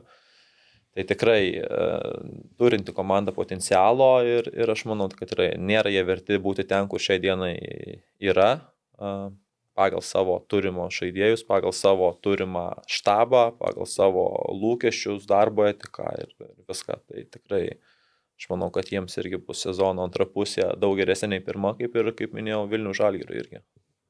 Mes čia kontribį grupiai skelbiam dėl Armanavičius, kad kaip ir ieškos komandos, aišku, prioritetas užsienis, bet jeigu sugalvotų dar grįžti Hegelmanus, tai Sauza grįžta, grįžta Armanavičius. Belieka Karašimo į Karašymą grįžti ir le, le, let's go. Bet šiaip, nu, Gavi Thompsonas gerai dabar atrodo savo šansus gavęs tikrai. Tai jeigu toks įvyktų, tai manau, jo, antroje sezono pusėje tikrai uh, sujudėtų. Šiaip tos rungtynės su Dainava buvo labai įdomios. Uh, kur Švetkauskas raudoną pasiemė. Tai taip pagalvojau, kad jeigu jisai, jeigu Hegelmanai būtų laimėtas rungtynės, tai būtų buvę iš vis to- topinis sprendimas. Nes jeigu būtų Dainavai mušę tą 45 minutę ir 1-0 pirmąją, tai būtų užsidarę visiškai jie. Bet, nu, dabar 11, jeigu būtų užsidarę, tai, nu, manau, būtų be šansų. Bet dabar 10 prieš 11, nu, 0-0 nepralaimėjo, bet jeigu būtų laimėta, iš vis būtų, nu, teisingas sprendimas. Nes matėme net kaip žalgiriui buvo sunku kažką kurti ant su jais. Tai, tai šitoje vietoje arti, tob, arti tobulo sprendimo buvo Švetkauskas. A, toliau, a, Šiauliai, trečioje vietoje kol kas, 40 taškų. Įsivaizduoju, kad turbūt ko nestebimiausia Lietuvos komanda. Daugiausiai lietuvių, daugiausiai rinktinės žaidėjų. Ar, ar tiesa? Stebima komanda iš tiesų, pavadinkim tai per padidinamą į stiklą, stebimo komanda, nes ką ir pats paminėjai, daug lietuvių žaidžia, daug kandidatų tiek į nacionalinę, tiek į U21 rinktinę yra turintys savo sudėtyje ir demonstruojantys gerą formą ir, ir, ir darantys rezultatą, tai tikrai įdomi komanda, matom įdirbis, įdirbis organizacijos trenerių štabo, tai irgi Mindaugas Šepas, trečias sezonas, tai yra įdirbis žaidėjų branduolys išlikęs, plus pasipildė patyrusiai žaidėjais prieš šį sezoną, kas, kas dar duoda papildomos naudos komandai. Tai tikrai džiugina komanda, kuri viena iš lietuviškiausių, vadinkim, šiai dienai. Tik tai banga dabar buvo rungtynės, banga, kur žaidė paskutinio turo rungtynės, tai buvo visi 11 pradėjo lietuvių. Irgi toks e, įdomiai, pavadinkime, įdomiai. Jie šiaip prasivalė šiek tiek, nemažai Jo, legionierių išvyko. Tai va, o šiauliai tęsiant temą, tai tikrai džiugino komanda ir, ir, ir žaidžia, žaidžia tokį įdomų futbolą, patrauklų futbolą, daug energijos reikalaujantį futbolą. Ne, Gerai, kad e, realiai neišrinta žaidėjai dėl traumų ir, ir palinkėkime, kad taip ir bus iki sezono galo. Dabar Aišku, su Hegelman berots dėl traumos Eligijus Jankauskas nežaidė. Jo, kol kas jo nebuvo. Aišku, normalu, kad uh, reikės rotuoti, nes prasideda sezono antra pusė. Žinom, kad Lietuvoje nuo 4, 6, 8 ir paskui taip toliau kortelės jau turi prileisti rungtynės. Tai tikrai turi žaidėjų pasirinkę šiauliai, kurie turi geltonų kortelių ir yra ant tokios ant ribos planos, pavadinkime. Tai bus normalu, kad atsiras rotacija. Gerai grįžo Justas Petravičius, gerai grįžo Urbys. E, Galbūt dar pasipildys vienu kitų žaidėjų, tai aš manau išlaikys tą, tą balansą savo rotacijos, per daug nerotuos, bet, bet iš tiesų kol kas džiugina, maloniai džiugina, džiugina ir, ir tai ir pavyzdys kitiems klubams, kad, kad viskas yra įmanoma ir šaunuoliai. Aš dar galvoju, apie šiaulius daug šnekam, tą lietuvių faktorių ir panašiai. Taip galvoju, iš dabar dar optibetą lygų žaidžiančių be šiaulių komandai, kiek išeitų sulibdyti tokių komandų, kurios būtų va tokio konkurencingumo kaip šiauliai? Iš lietuvių? Tik lietuvių. Nu, nekalbu, kad jaunimo, bet, nu, kad tai būtų va, jo komanda, kuri pretenduotų ketvirtuką kaip šiauliai. Galėtume rasti iš, iš visų komandų esančių, aš manau, dar vieną, dvi komandas tikrai sulibdyti, nes atsirastų tų žaidėjų, galbūt šiek tiek reikėtų žaidimo stilių rasti tinkamą vienam, kitam žaidėjui, galbūt formacija, bet tikrai yra kvalifikuotų tų žaidėjų. e, Tiek A lygo, tiek toj pačioj pirmoje lygoje netgi galėtum rasti vieną kitą žaidėją, tikrai net ne vieną, kurie drąsiai įsipaišytų tiek savo patirtim, tiek savo kvalifikaciją ir jie negadintų vaizdo ir netgi galėtų daryti rezultatą. Tai atsirastų, yra tų lietuvių tikrai, kurie šiame ligmenyje geba žaisti ir tai nėra problemų. Aš tai būčiau ir spėjęs tarp dar vienos dviejų. Mm. Pusantro turbūt viduriukas būtų, kad tai būtų lietuviai jau su patirtim šiokia tokia ir, ir, ir galintis duoti rezultatą. Nekalbam ten apie jaunus žaidėjus su tokiais, tai manau dar nu, daugiau suliubdytume. O man šiaip šešplaukis va, dar iš Šiaulių ir ypatingai ten rungtynėse su, su, su riteriais tas neįvarčia proga, bet tas perdamas įkertančiam žaidėjui dešinę, permetus kamuoliu, tai ten, wow, nu šiaip tas lengvumas jo visas po rinktinės atrodo dar dės žingsnį ir, ir ta įvarčio situacija ten kaip su pečiu susitvarkė. Labai gražiai žiūris man jisai. Nu, geras žaidėjas, šis universalus geras žaidėjas, gebantis, matom, paimkim šių sezonų šiaulius apkalbėtus irgi jis gali dengti tris galbūt pozicijas, netgi keturios galbūt reikalų esantis, tai universalus žaidėjas, gebantis žaisti dviejomis kojomis, tiek dešinė, tiek kairė, nors yra irgi dešinėkojas, bet jis kairę, sako, aš dabar šiai dienai jaučiuosi kaip kairė kojas, aš kairę valdau geriau nei dešinę. Tai jis gebantis valdyti, kas yra reta iš tiesų, abi kojas saliginai vienodai, turintis galingumus, e, tai tikrai naudingas komandai žaidėjas ir dar geras jo amžius, dar jis yra potencialus, Taip, taip. 98, man atrodo, gimimo metai, tai, tai 25 metai tik tai branda prasideda žaidėjo. Tai kaip minėjau, tikrai iš, išaugo jau iš jauno žaidėjo, kur turėjo perti įvairių patirčių, situacijų, pribrendo šiai dienai ir matom, kad jau duoda rezultatą. Toliau a, turnyro lentelės viršus panevežys. Ar tai yra labiausiai stebinanti komanda? Ar šiauliai vis tik tai su savo lietuviška komanda? Asmeniškai šiauliai labiau stebina, bet ir panevežys tikrai labai organizuota komanda, matosi įdirbis irgi. E, trenerio stilius matosi tikrai unikalus, galbūt kažkurie irgi kiti klubai pradėjo panašų naudoti stilių, bet, bet unikalus stilius, e, atletiški žaidėjai surinkti, paruošti atletiškai žaisti, turintys e, individualiai stiprių žaidėjus priekyje, kokybiškus, užtikrintus, kietus žaidėjus viduryje ir, ir gale, tai matom, kad Lietuvos futbole kartais ir to užtenka būti organizuotiems, būti fit, e, turėti 2-3 žaidėjus gebančius daryti skirtumą ir to užtenka. Tai tikrai komanda, klubas, kurie palaipsniui auga, įmant jų paskutinius metus, kurie užaugo iki A lygos ir tai jaunas, labai jaunas klubas, bet, bet turintis, turintis miesto pagalbą ir panevežys futbolo miestas ir vietinių žaidėjų, kurie tikrai įsiliejo tą kolektyvą ir kvalifikuotų legionierių. Tai tikrai gerą sezoną kol kas turintis, bus įdomu iš tiesų, kaip jiems seksis antra sezono dalis, bet aš manau, kad išlaikys panašiai tą kreivę, labai jinai nekris į apačią ar neauks kažkur į viršų. Nu, jo labiau pasistiprino. Taip, taip. Ir dar turbūt ne pabaiga net su to stiprinimuose, tai manau, kad iš, išlaik, turėtų išlaikyti uh, tą tempą. Šiaip rungtynėse su banga tas momentas buvo pradžių, kur galėjo Piliukaitis. Penktą minutę jau, manau, būtų tas kaip trenerių frazė įvarčiai keičia ru- rungtynės, tai ten tikrai būtų keitę. Ne, nu tai vėl, žinai, kalbam po kiekvieno turo, po daugumos rungtynių, kad net ir tie lyderiai su antros lentelės pusės komandom nušiemet vargsta ir yra reikalų juos apžaidžiant ir tos rungtynės su banga, nu jos tikrai nebuvo gražios, jos nebuvo lengvos, bet... Komentavai šiemet- tu, man atrodo, ne? Jo.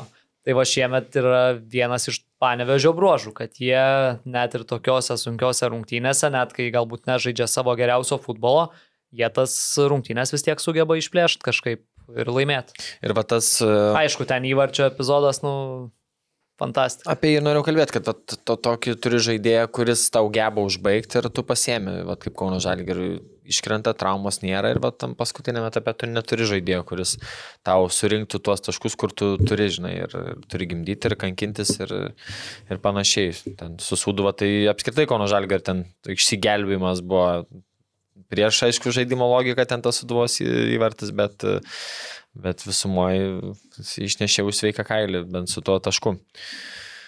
Toliau, komanda, apie kurią dabar daug kas kalba, kad irgi galbūt net aiškiau ta trenerio ranka jaučiasi nei kad pas panevežį, tai Alitaus Dainava.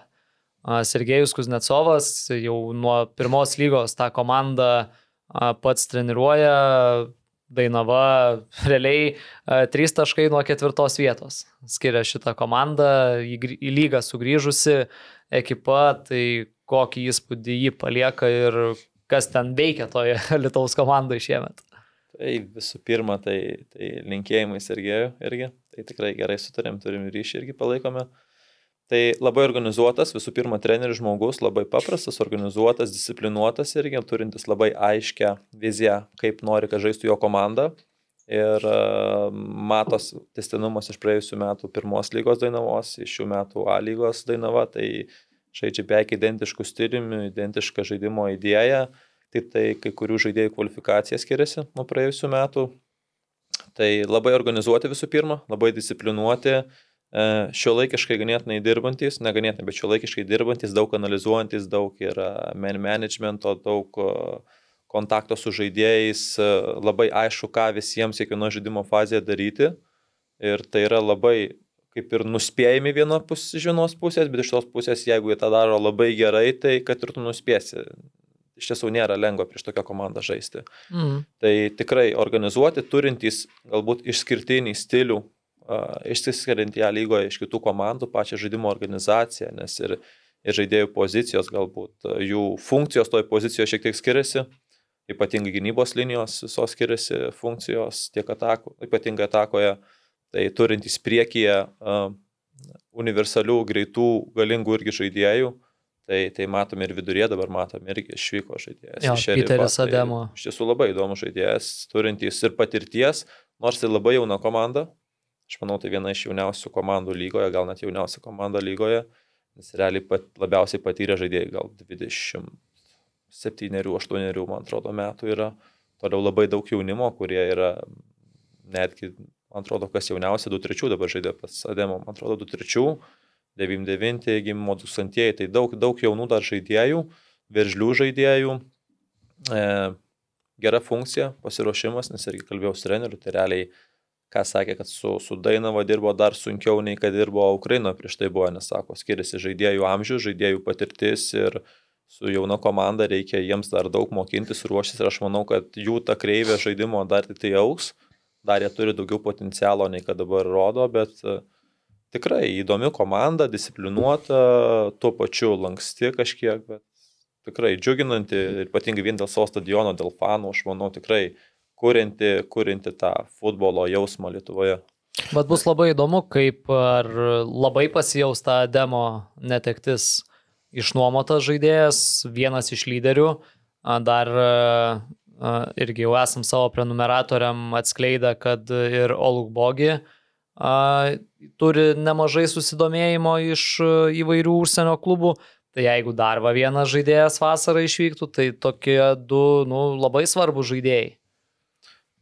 Šitie paminėti žaidėjai, bet turi ir daugiau, man atrodo, taip, taip, jų polės, arauja, neklistu irgi, ganėtinai įdomus, bet kol kas nemušantis įvarčių, Račenko vidurėje patyrė žaidėjas, Sorokinas vidurėje patyrė žaidėjai, tas patys lietuviai, kurie irgi labai gerai įsilieja iš tą kolektyvą, tai turi, turi tų žaidėjų rotacijoje treneris. Aš manau, kad jeigu e, vieni žaidėjai išvyks, tai kažkas atvyks į jų vietas, tai natūralu, nes matom, kad paskutinius 2-3 sezonus tikrai verčiasi daug, daug jaunų žaidėjų pasikviečia ir, ir tikrai atsiskleidžia tie žaidėjai. Tai, Hamuličius, tai, dabar Ademo. Tai, tai, Bet čia yra apie lietuvius, kaip kalbėjom, kad e, ne vienas lietuvis nuvažiavęs ten šiek tiek, nu, net gal net gaivino karjerą, bet grįžo į ritmą. Salinas, e, Klimavičius, tada Golubitskas, Švetkauskas. Švetkauskas. Tai tas pats Barstos Točkūnas po bangos, kuris išvažiavęs ten Latviją, bet jis buvo, tada grįžo dabar. Tai toks e, gera terpė, reiškia, yra. Tai lietuviai, kurie esate tenais, tai Švetkauskas dabar atėjo iš, iš, iš džiugo, man atrodo. Ja. Tai Gera vieta tobulėti. Ir kiek girdėjau, kad nu, dabar, kai ten krepšinio išėjo, galų galę ten ta komanda iš šalytaus, lik ir tas remimas turėtų padidėti savivaldybės e, kažkiek tais. Tai, nu, na, futbole tas kažkiek, kad ir 500 tūkstančių yra daug. Labai daug, labai daug. Tai tikrai, jeigu prisidėtų savivaldybė, prie, prie, ne tik prie pirmos komandos, manau, prie viso jaunimo futbolo, viso piramidinės dalies Lietuvoje, nes žinau, kad veikia ganėtinai sklandžiai tas visas klubo modelis, tiek, tiek apačioje su jaunimu dirbama kokybiškai, trūksta, aišku, žmogiškų resursų, trenerių ypatingai ten trūksta, bet tikrai ten viskas labai kokybiškai, labai organizuotai, tai jie privalo būti A lygoje, aš manau, ir, ir netgi aukščiau negu dabar galėtų kabintis tas vietas. Mūsų laikas į pabaigą, tai dar trys komandos liko nepaminėtos, ar ne? Banga, Marijampolė, Suduva ir Telšių džiugas. Taip turbūt prieš sezoną daugelis ir piešia šitas tris komandas vat, kažkur prie, prie pačios. Tai nežinau, iš šitų komandų, kas galbūt labiausiai stebina, kas galbūt nuvilia, dabar daugelis kalba ar ne, kad džiugas žaidimo prasme atrodo labai neblogai, bet tų taškų kaip nerenka, taip nerenka. Suduva iš vis visų nurašyta su vietiniu jaunimu ir keliais legionieriais, bet irgi matom, kad turi ką pasiūlyti, banga irgi Tai kokios išvalgos? Banga iš viso trys taškai nuo Dainavos, apsilošk Dainavą ir tu jau šeštas esi. No. Ir dėjau bangai šeštą vietą. Sėkmės. Ekspertai. iš tiesų tai visos trys, trys komandos e, labai sunkus spėtinis, labai daug apylygių rungtynių buvo, ar, ar galbūt, kuomet minėjote, irgi žaidžia kaip ir geriau, turi, žaidžia, galbūt turi daugiau momentų, pavadinkim, nei varžoja, bet, bet galiausiai iš to taškų nepelno arba pasidalina po vieną. Tai uh, Kas džiugina dėl suduvos, tai jų kovingumas. iš tiesų, tai tas galbūt jų didžiausias bruožas yra, plus kad, kad žaidžia irgi daug lietuvių, tai tas gerai Lietuvos futbolui, ateičiai, jaunimo rinktinėms, nacionaliniai rinktiniai galbūt ateityje, dėl bangos irgi labai daug lietuvių ir jau turinčių patirties, ypatingai e, gynybos liniją, Tai, tai žaidėjai, kurie praėjo ir jaunimo rinktinės, ir, ir galbūt kandidatai į nacionalinę rinktinę, yra ir buvę netgi rinktinė, viduryje U21 rinktinės žaidėjų, priekyje irgi turi uh, universalių žaidėjų, ypatingai daug lietuvių, tai irgi džiugina, aš manau, kad banga įgauna tokį irgi, vadinkim, vis gerėja jų žaidimo kreivė ir turėtų irgi tų taškų pasirinkti.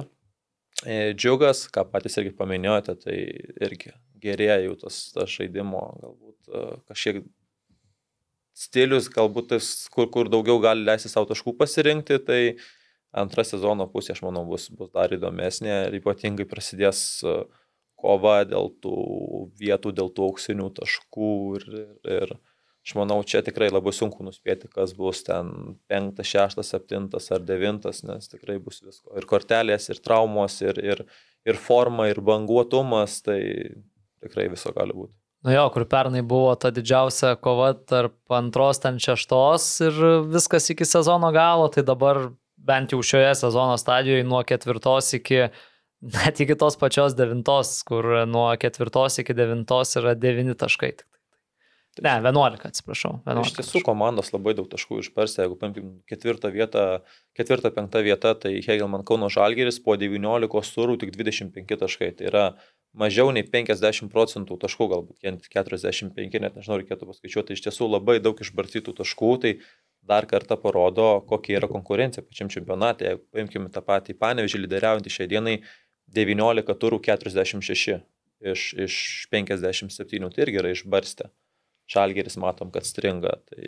Ne, tai man, man atrodo, aš nežinau, bet vėlgi būtų įdomu palyginti kiek daug lygiųjų. Riteriai, aštuonios rungtynės lygiosiam baigėsi. Dainava Kauno Žalgiris, e, Šiauliai po septynes lygiosiamis pasibaigusias rungtynes, tai čia yra didžiuliai skaičiai. Ir aišku, Hegelman tą sumažina, nes vieną kartą tik tai lygiom sužaidė.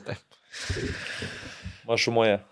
Tai jo, bet, e, bet gražu, kad tas konkurencingumas e, yra, ko pernai visiems viena komanda dar ten tempė į tą lygos, e, ly, nutempė lygos lygį visiems žemiau dabar visos dešimt komandų ir vėl jeigu bus ir dėl Europos vietų, ir dėl pirmos vietos, jeigu bus ir dėl relegationo, tai fantastika bus lygai tik geriau, tai svarbu visi kiti dalykai iš paskos lygos auktų ir, ir, ir, ir judėtų į priekį. O nežinau, kai dėliojate tos e, Jaro turo rinktinės MVP ir... ir ne, nedėlioju. Na, nu, tai, tai jeigu sudėlioju, tai gali, gali tai, pavaryti. Man labiau užstrigo va iš Hegelmanų, kad uh, abu įvarčius įmušė ir asistą padarė kitimai. Tai čia turo coach keliauja uh, skerlai, nu, nes realiai, nu, čia tie išjautimai, aš kaip sakau, kur turi pajust, kas kaip ir, nu, visą laiką, aišku, norėtum, kad jauti turbūt leidai ir jauti galva, nu, šitas turėtų. Bet e, jeigu sugebi ir žaidėjas ir asistuoja, ir muša, ir kitas muša, kurį pakeitė, tai čia nuopelnai trenerių. Tai, tai uh, turo treneris Skerlo, turo įvartis uh, Jefremovo vienareikšmiškai.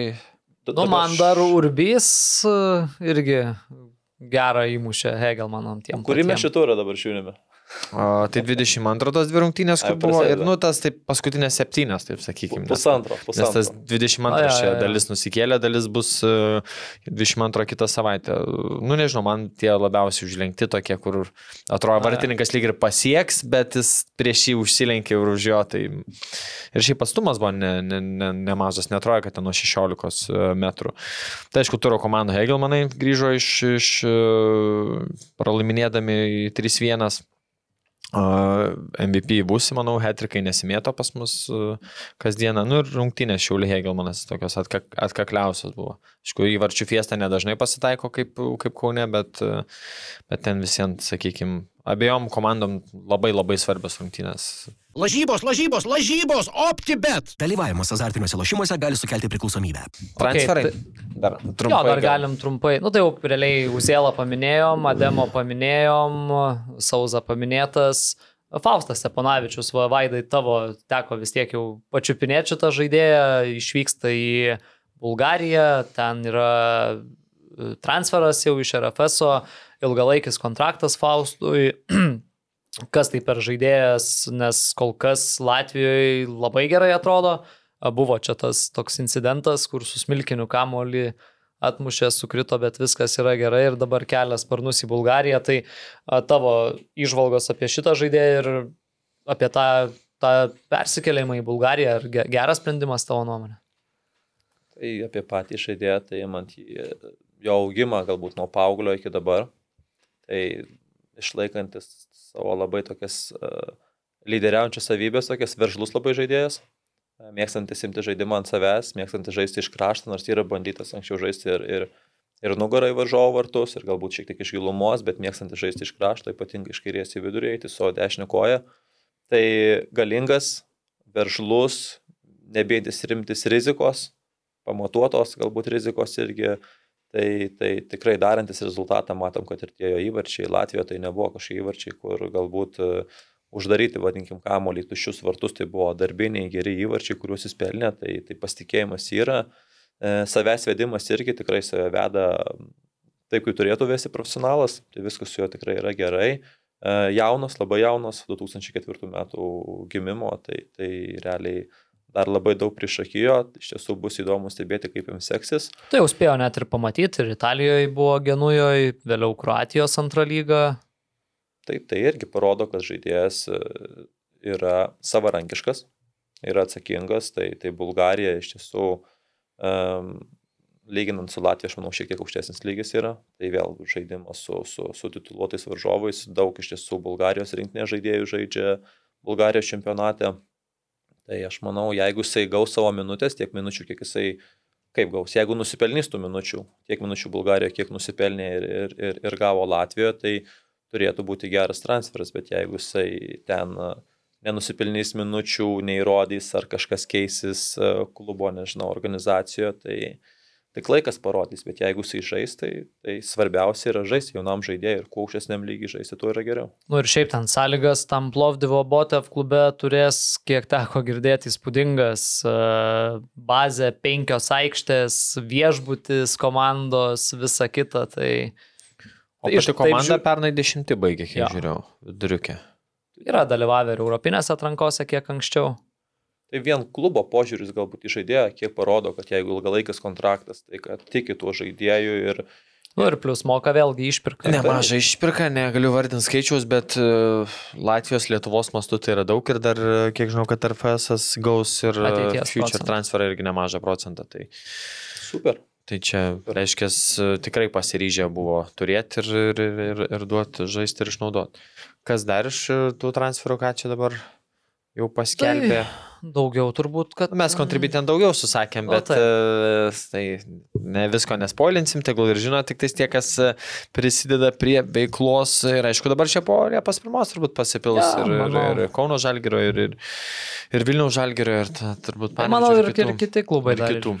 O dabar jau kas anosis Europą pas mus, aišku, iš tų įdomybių, kad Makedonai visgi nesutiko sukeisti rungtynių, nu, mes apie tai dar nekalbėjom. Ir dabar pakeitė Ir datą. pakeitė UEFA datą patvirtino. Bet šiaip įdomu, nes e, kaip ir jie siūlė pradžių žaisti trečiadienį, a, bet ten, nu, šiaip trečiadienį, kiek aš girdėjau, kad, nu, tas žaidžiama labiau, nu, jau dėl tam tikrų aplinkybių ten, nu, negali taip paimti, ai, noriu trečiadienį. Nu, bent aš taip girdėjau. O UEFA liepia visgi antradienį žaisti, tai jiem patiems, nežinau, kada jie išskris iš Vilnius, bet, nu, jeigu dar turės savo vietinės lygos jau turą, a, tai, nu, sudėtingiau šiek tiek bus. Tik man užstrigo tas laikas. 5 val. vietos laiku. Lietuvos laikų 6, tai nu, ten Makedonija prie Ogrės ežero nu, bus apie 30 laipsnių kažkur panašiai. Tai Tai čia, manau, irgi išnaudoja Žaidimai tie- kažkokius savo privalumus. Aišku, patiems nėra lengva, bet jie prie to pratę. Tai. Jo, tai tas, nežinau, mes čia diskutavom bu, irgi gerą žvengį iš mano šitos minties, bet uh, Contribui grupė rašiau apie tą pirmos namie ar, ar antros namie, kai nebėra išvykos įvarčio taisyklės. Aš kažkaip A, žalgerio kaip- kaip prasme tu dėjau, kad žalgeriui geriau yra pirma žais namie. O kodėl? Nu, esminiai argumentai, jeigu taip žiūrėsi dviejų metų istoriją, nu, prie trenerio čia būrino, kad jeigu taip imant, tai a, pff, penkios rungtynės, kurios pirmos buvo išvykui, tai pradedam nuo pirmų su Ferenčvaros išvykoju, gavom 2-0, Grįžom, čia gavom 3-1. Nu, bet ten turbūt per daug nieks, nieks ir nesitikėjo.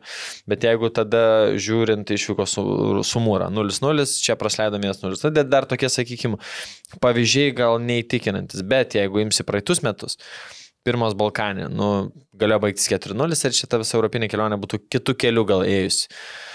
Antras, trečias etapas su Bodo nuvažiavom, atsirovėm. Ketvirtas su Ludogorės. Lygiai taip pat galėjo baigtis ten tiesiog nu, kosmiškai sekęs, kai tuščius vartus nepataiko tokie žaidėjai kaip Despotovas. Tai tiesiog uh, sėkmė. Tada paimam per tą laikotarpį, kokios buvo trys rungtynės, kai pradėjom pirmame etape. Tai namie apsilošėm Limfildą 3-1, ten važiavam dar 2-1 laimėjom. Tada su Bodo namie sužaidėm 2-2 ten gavom tik 1-0 e, tam ketvirtame etape. Ir su tą pačią Malmę, čia laimėjom 1-0, nenuvažiavam 2-0. Aš tiesiog manau, kad kai nebėra tai įvarčios svarba tokia didelė išvykos, o Žalgiriui yra gal kiek lengviau kentėti, žinant, kokį rezultatą reikia saugot ar gal galės siekti. Nes kai tu nuvažiuoji, tau sunku ir, ir, ir, ir, tave spaudžia ir tas gal čia ir 2-0 nieko tokio, gal kažkaip pasilošim ir vienas, o kai tu žinai, kad tu vieną turi ir, nu, kas tavo lubas yra gal psichologinis toksai. Ir jo labiau. Žinai, bet tai yra ir kita pusė, gauk namie du ir tada važiuok į ten, jo, tu žinai, kad tau reikia ko siekti, bet, bet tai kaip tą pasiekti. Taip, taip, tai yra ta pusė, tik žiūri iš to, kad namie, kaip pirmas buvo, ir nebuvo, kad pralaimėtų nei vienų. Tai iš tų, nu, trijų, tai nėra, aišku, didelė imtis. Bet dar esminį kaip argumentą dėčiau, o, apskritai tai yra pirmos o, nu, atrankų rungtynės, psichologinis spaudimas, savaikštė, savifanai tu šiek tiek gal tą lengviau gali praeiti, nes ten matęs e, Kosove pernai, kad ten ilgai buvo tas toksai bandymas, aš pradžioje galvau, kad, ir kaip šnekėm, kad tiesiog atsitraukė ir, nu, davė ten žaisų kamuolį, bet po to, kai pradėjo bandyti žaisti, nifiga nesigavo. Tai toks, žinai, sužaisti ant savo aikštės, prieš savo žiūrovus, kiek lengviau yra. Tai, tai tiesiog iš tos istorijos tokios. Aišku, buvo geras komentaras, kad Nu, čia būrnas pirmose rungtynėse, kad ir namie žaisi, nebėgsi prieki ten muštų įvarčių, vėlgi bus viskas e, atsargiai. Tai mano mintis tokios, kad nu, gal kiek psichologiškai lengviau pirmas rungtynės pradėti pas save. Galbūt šiek tiek plus uh, buvus stadiono danga, vis tiek prie jos reikėdavo šiek tiek laiko priprasti. Nes, nes specifinė buvo, dabar keičia danga, baigs, per šią savaitę turėtų baigti. Uh, Vėl pratintis. Vėl reikės, vėl reikės tam pačiam žalgiriui šiek tiek laiko adaptuotis prie, prie naujos aikštės, nes vėl plaukas visai kitaip kamuolys rėda ant, ant naujos aikštės, jisai plaukia, pavadinkim taip, kamuolys, tai reikės priprasti, kas palengvina galbūt, kad dėl NATO samito yra, yra iššūkių dėl viešbučių ir dėl pačios logistikos, galbūt dėl logistikos mažiau, bet dėl viešbučių daugiau yra iššūkių, nes iš tiesų Vilniuje visi viešbučiai užimti. Ir... Tai ir Vilma Venslovaitė net 15 min skrieja kamuolys sakė, kad kur 30 km už Vilniaus gyvens kažkur. Tai, tai, tai iš tiesų čia yra iššūkių, bus įdomu, kaip, kaip spręs šitą situaciją varžovai, tai toks kaip ir palengvinimas šiek tiek, nes gali įvykti kažkokios diskomunikacijos ar kažkokių trikdžių ar nesklandumų. Su tuo pačiu išvykimu galbūt ne, ne, ne, nekils daug problemų. Nu, bet tikriausiai arba parą sėdėsi, arba važiuosi į Rygą. Vienas iš dviejų. Vis tiek kažkaip rastų būdų. Nu, arba manau, į Kauną. Bet... Jau bilietus turi, jau suplanavę, aš manau, tą skrydį, kaip jie darys, bet e, kas Vilnių žalgiriui, taip, reikia šiek tiek adaptacijos dėl dangos, o, o dėl tų pirmų rungtynių, jeigu nežiūrint į dangą, į, į Vinieką, tai galbūt ir lengviau šiek tiek yra, nes, nes tu važiuoji, ką minėjot, konkrečiai žinodamas, ko tau reikia ir tuomet gali pasiruošti labai konkretų planą, idėją, žaidėją vieną kitą galbūt parotuoti ir, ir plus, plus matom, kad uh, stilius daugiau duoda rezultato, kuomet žaidžia kažkiek, kuomet yra ploto priekyje žalgiriui. Tai parodė praėjusiai metai ir šiais metais, kuomet žaidė irgi ir dabar su, su Kauno žalgiriu porą įvarčių įmušė ir kuomet žaidė su, su Hegelmanais mažumoje. Kaune, tai, tai buvo ganėtinai geros rungtynės, kuomet atsirado plotoje už užžovų nugarų ir, ir gali tas erdvės išnaudoti, nes disciplinuotai, kokybiškai uh, gintis organizuoti, tikrai jie tą sugeba. Tai, nu, tai realiai žalgiui užtenka įmušti vieną namie, o išvyko jau tada tu gali saugoti tą rezultatą ir kaip atsakėt, plotai yra, o plotus e, išnaudoti. Tai tas teigiamas rezultatas ir būtų bent, bent vienas nulis. O bet kai nuvažiuoji ir, nu, kaip ir nenori per daug nueiti, nes pirmos rungtynės ir nesinori ir prasileisti. Tai...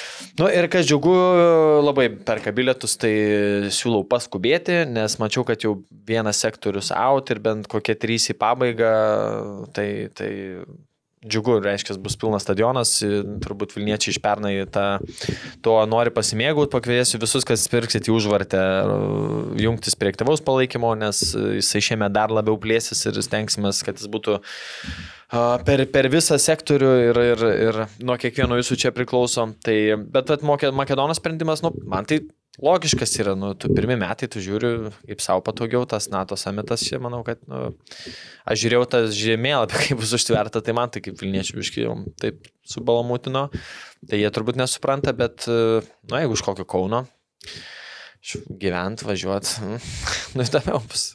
Vien tas kelionės autobus, tai rungtinių dieną tu važiuosi į Vilnių, nu, su autobusu tikrai, nu, jau valandą kem penkios. Jeigu būtų šiaip, tai sakyčiau, valanda 300, bet jeigu čia uždaryti keliai bus, ten uh, laisvės prospektas uždarytas, tai... Avarija tu, kokia? Avarija, tai realiai, nu, tu turi planuoti, kad 2 valandas autobuse praleisi. Nu, žaidėjim tikrai rungtinių dieną nėra gerai 2 valandas būti autobuse. Nepadeda, tai tikrai neįnauda. Plus tai... su, su palyda, aš manau, važiuos, tai kažkiek išvengs e, spuščių, ja.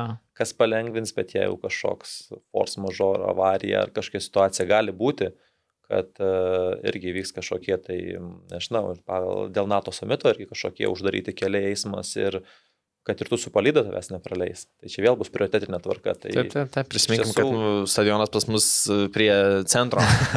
ne, ne kažkur Grygiškėse, tai ten Liepkalnio gatvė remontuojama. Tai reiškia, jinai irgi bus rautas turbūt, uh, kur važinės. Tai, nu, čia va tas sudėtingumas yra, kad uh, tikrai kiek su žaidėjai išnekėjau, tas buvimas autobuse čia yra blogiausia. Ten tas po to išsijudinti, išsilankstyti yra ten po kelionių, tai jo labiau, jeigu dar dieną prieš tai jie turi treniruotę pastarytam stadione.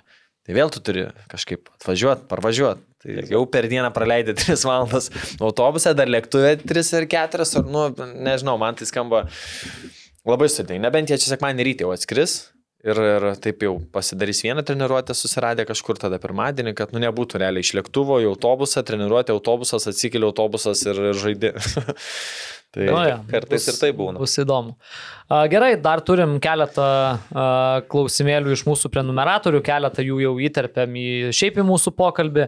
Tai dar vienas vat, klausimas, grįžtant prie rinktinės. Vinsas Gurevičius klausia, ar galit papasakot, kaip esat pasiskirstę trenerių funkcijas dabartiniai rinktiniai? Ar tai yra kiekvieno atsakomybė paruošti savo dalį, kur kiti visiškai nesikiša, ar vis tik tai vyksta bendras darbas? Tiek skautingą atliekant, tiek atletinį rengimą ir taip toliau. Tai yra mūsų, pradėkime nuo žmonių, tai yra vyr treneris Edgaras, esame asistentai. Šiai dienai, kas dalyvavome, tai aš ir Marius Babravičius, yra su to pačiu ir, ir analitikas Marius yra.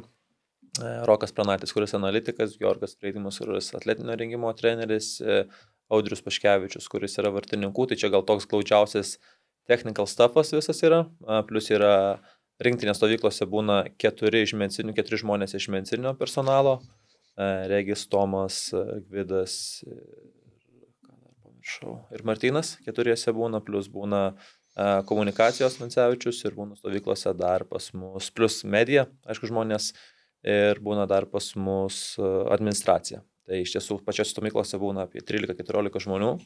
Jaroslavas toks buvo kažkada. yra irgi buvęs, buvo Jaras, pasikeitė tai taip, bet, bet visos stovyklose būna, jeigu su medija, tai net daugiau, galbūt 15-16 žmonių, bet, bet nuolatinis daily work, tai mūsų yra apie būtent tas technical stuffas plus medicina, taip vadinkime, ir administracija, kas padeda irgi šiek tiek dėl įvairių klausimų, o pasiruošimas, kasdieninis darbas, tai E, žaidėjų stebėsena su Edgaru dažniausiai tą atliekame, plus e, čia gyvai tiesiogiai, plus e, žaidėjų sekimas Rokas Pranaitis, kuris seka minutės žaidėjų paskutinių dviejų metų, šių metų, kiek žaidžia, kur protokoluojam, viską stebime.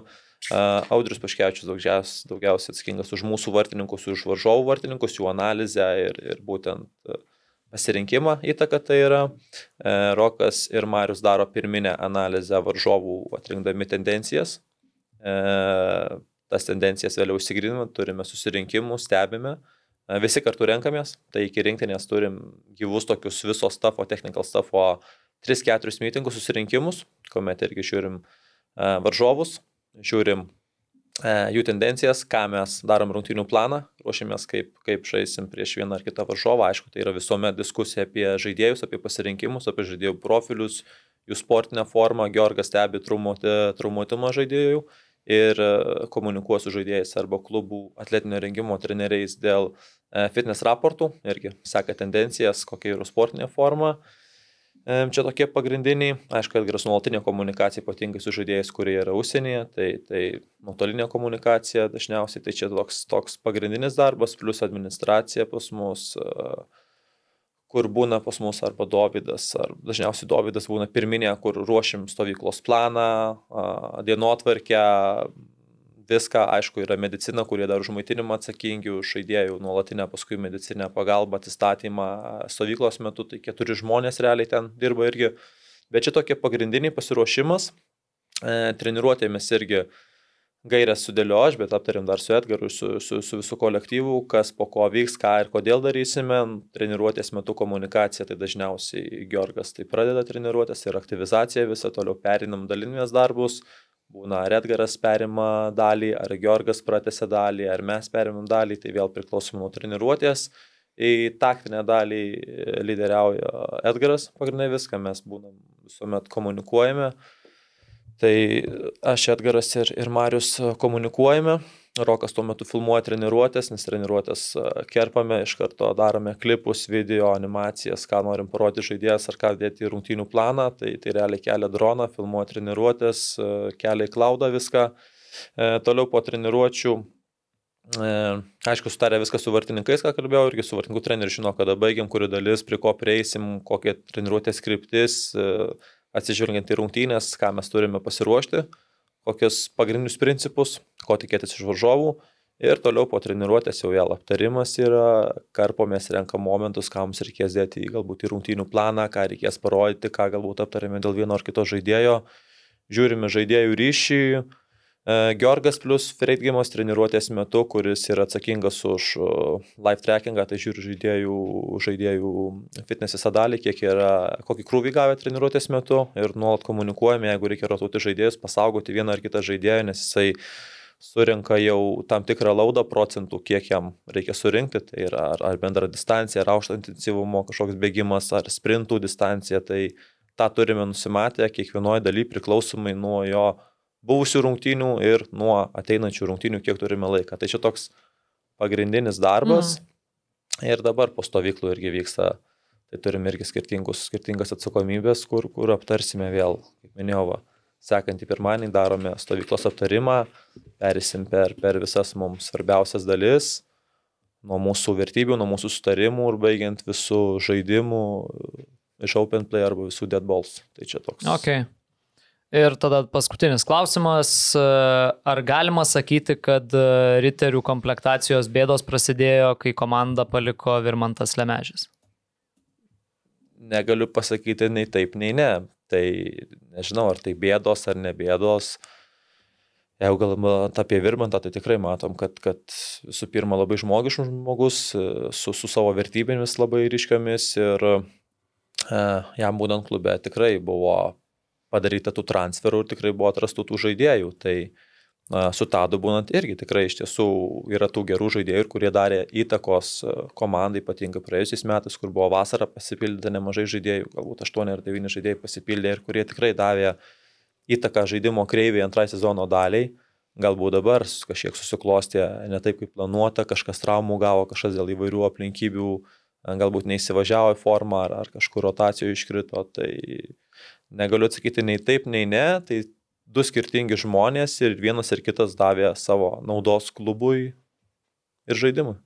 Aš Gerai. dar pridėsiu, mačiau, Hegelmanai pasileido irgi bilietus į e, atrankas Darius Grieno stadionio žaisti, tai kakava.lt irgi eikit palaikyti. Bilietai.lt žalgeris, jūs dar nepaleidote, ne? Ne, dar. dar. e, Bet jūs pirmas away, ne? Jo, Tai mes su tik rugpjūčio trečią žaidžiam, tai dar nėra Irgi pirkit panevežys, mačiau, dar nepaleido. Tai vien žodžiai, eikit, palaikykit komandos Kur paneveži žais? Marijam, Marijampolė. Tai kaip Krasniskas sakė, Marijampolė be europinio futbolo niekaip. Visiems nesvarbu, ką žaidžia, bet, bet e, bus futbolo tenais, tai palaikykim savo komandas. Gerai, Super. ačiū, ačiū. Vaidai, kad atvykai pas mus, manau, buvo Pala. įdomu. Uh, Maikė pralo, pralošti. Ne, tai mes čia savo prenumeratoriam. Bet, okay, vadovas. gerai, gerai, Tai tvarka. va, ačiū Vaidai, kad atvykai, manau, buvo tikrai įdomu ir manau, kad dar kažkada pasimatysim čia pas mus studijoje. Visgi turiu aš biletą, turiu į Lietuvoje atkalnyje. uh, nors to lik rungtynių du mėnesiai, bet uh, tai kas spėkit rungtynių rezultatą komentare, turo rungtynės bus uh, Šiauliai Kono Žalgris.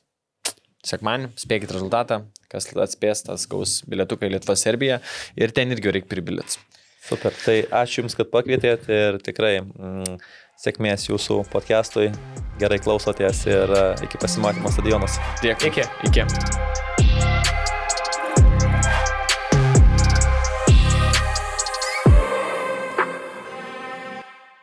OptiBet, lošimo automatai, OptiBet. Dalyvavimas azartiniuose lošimuose gali sukelti priklausomybę.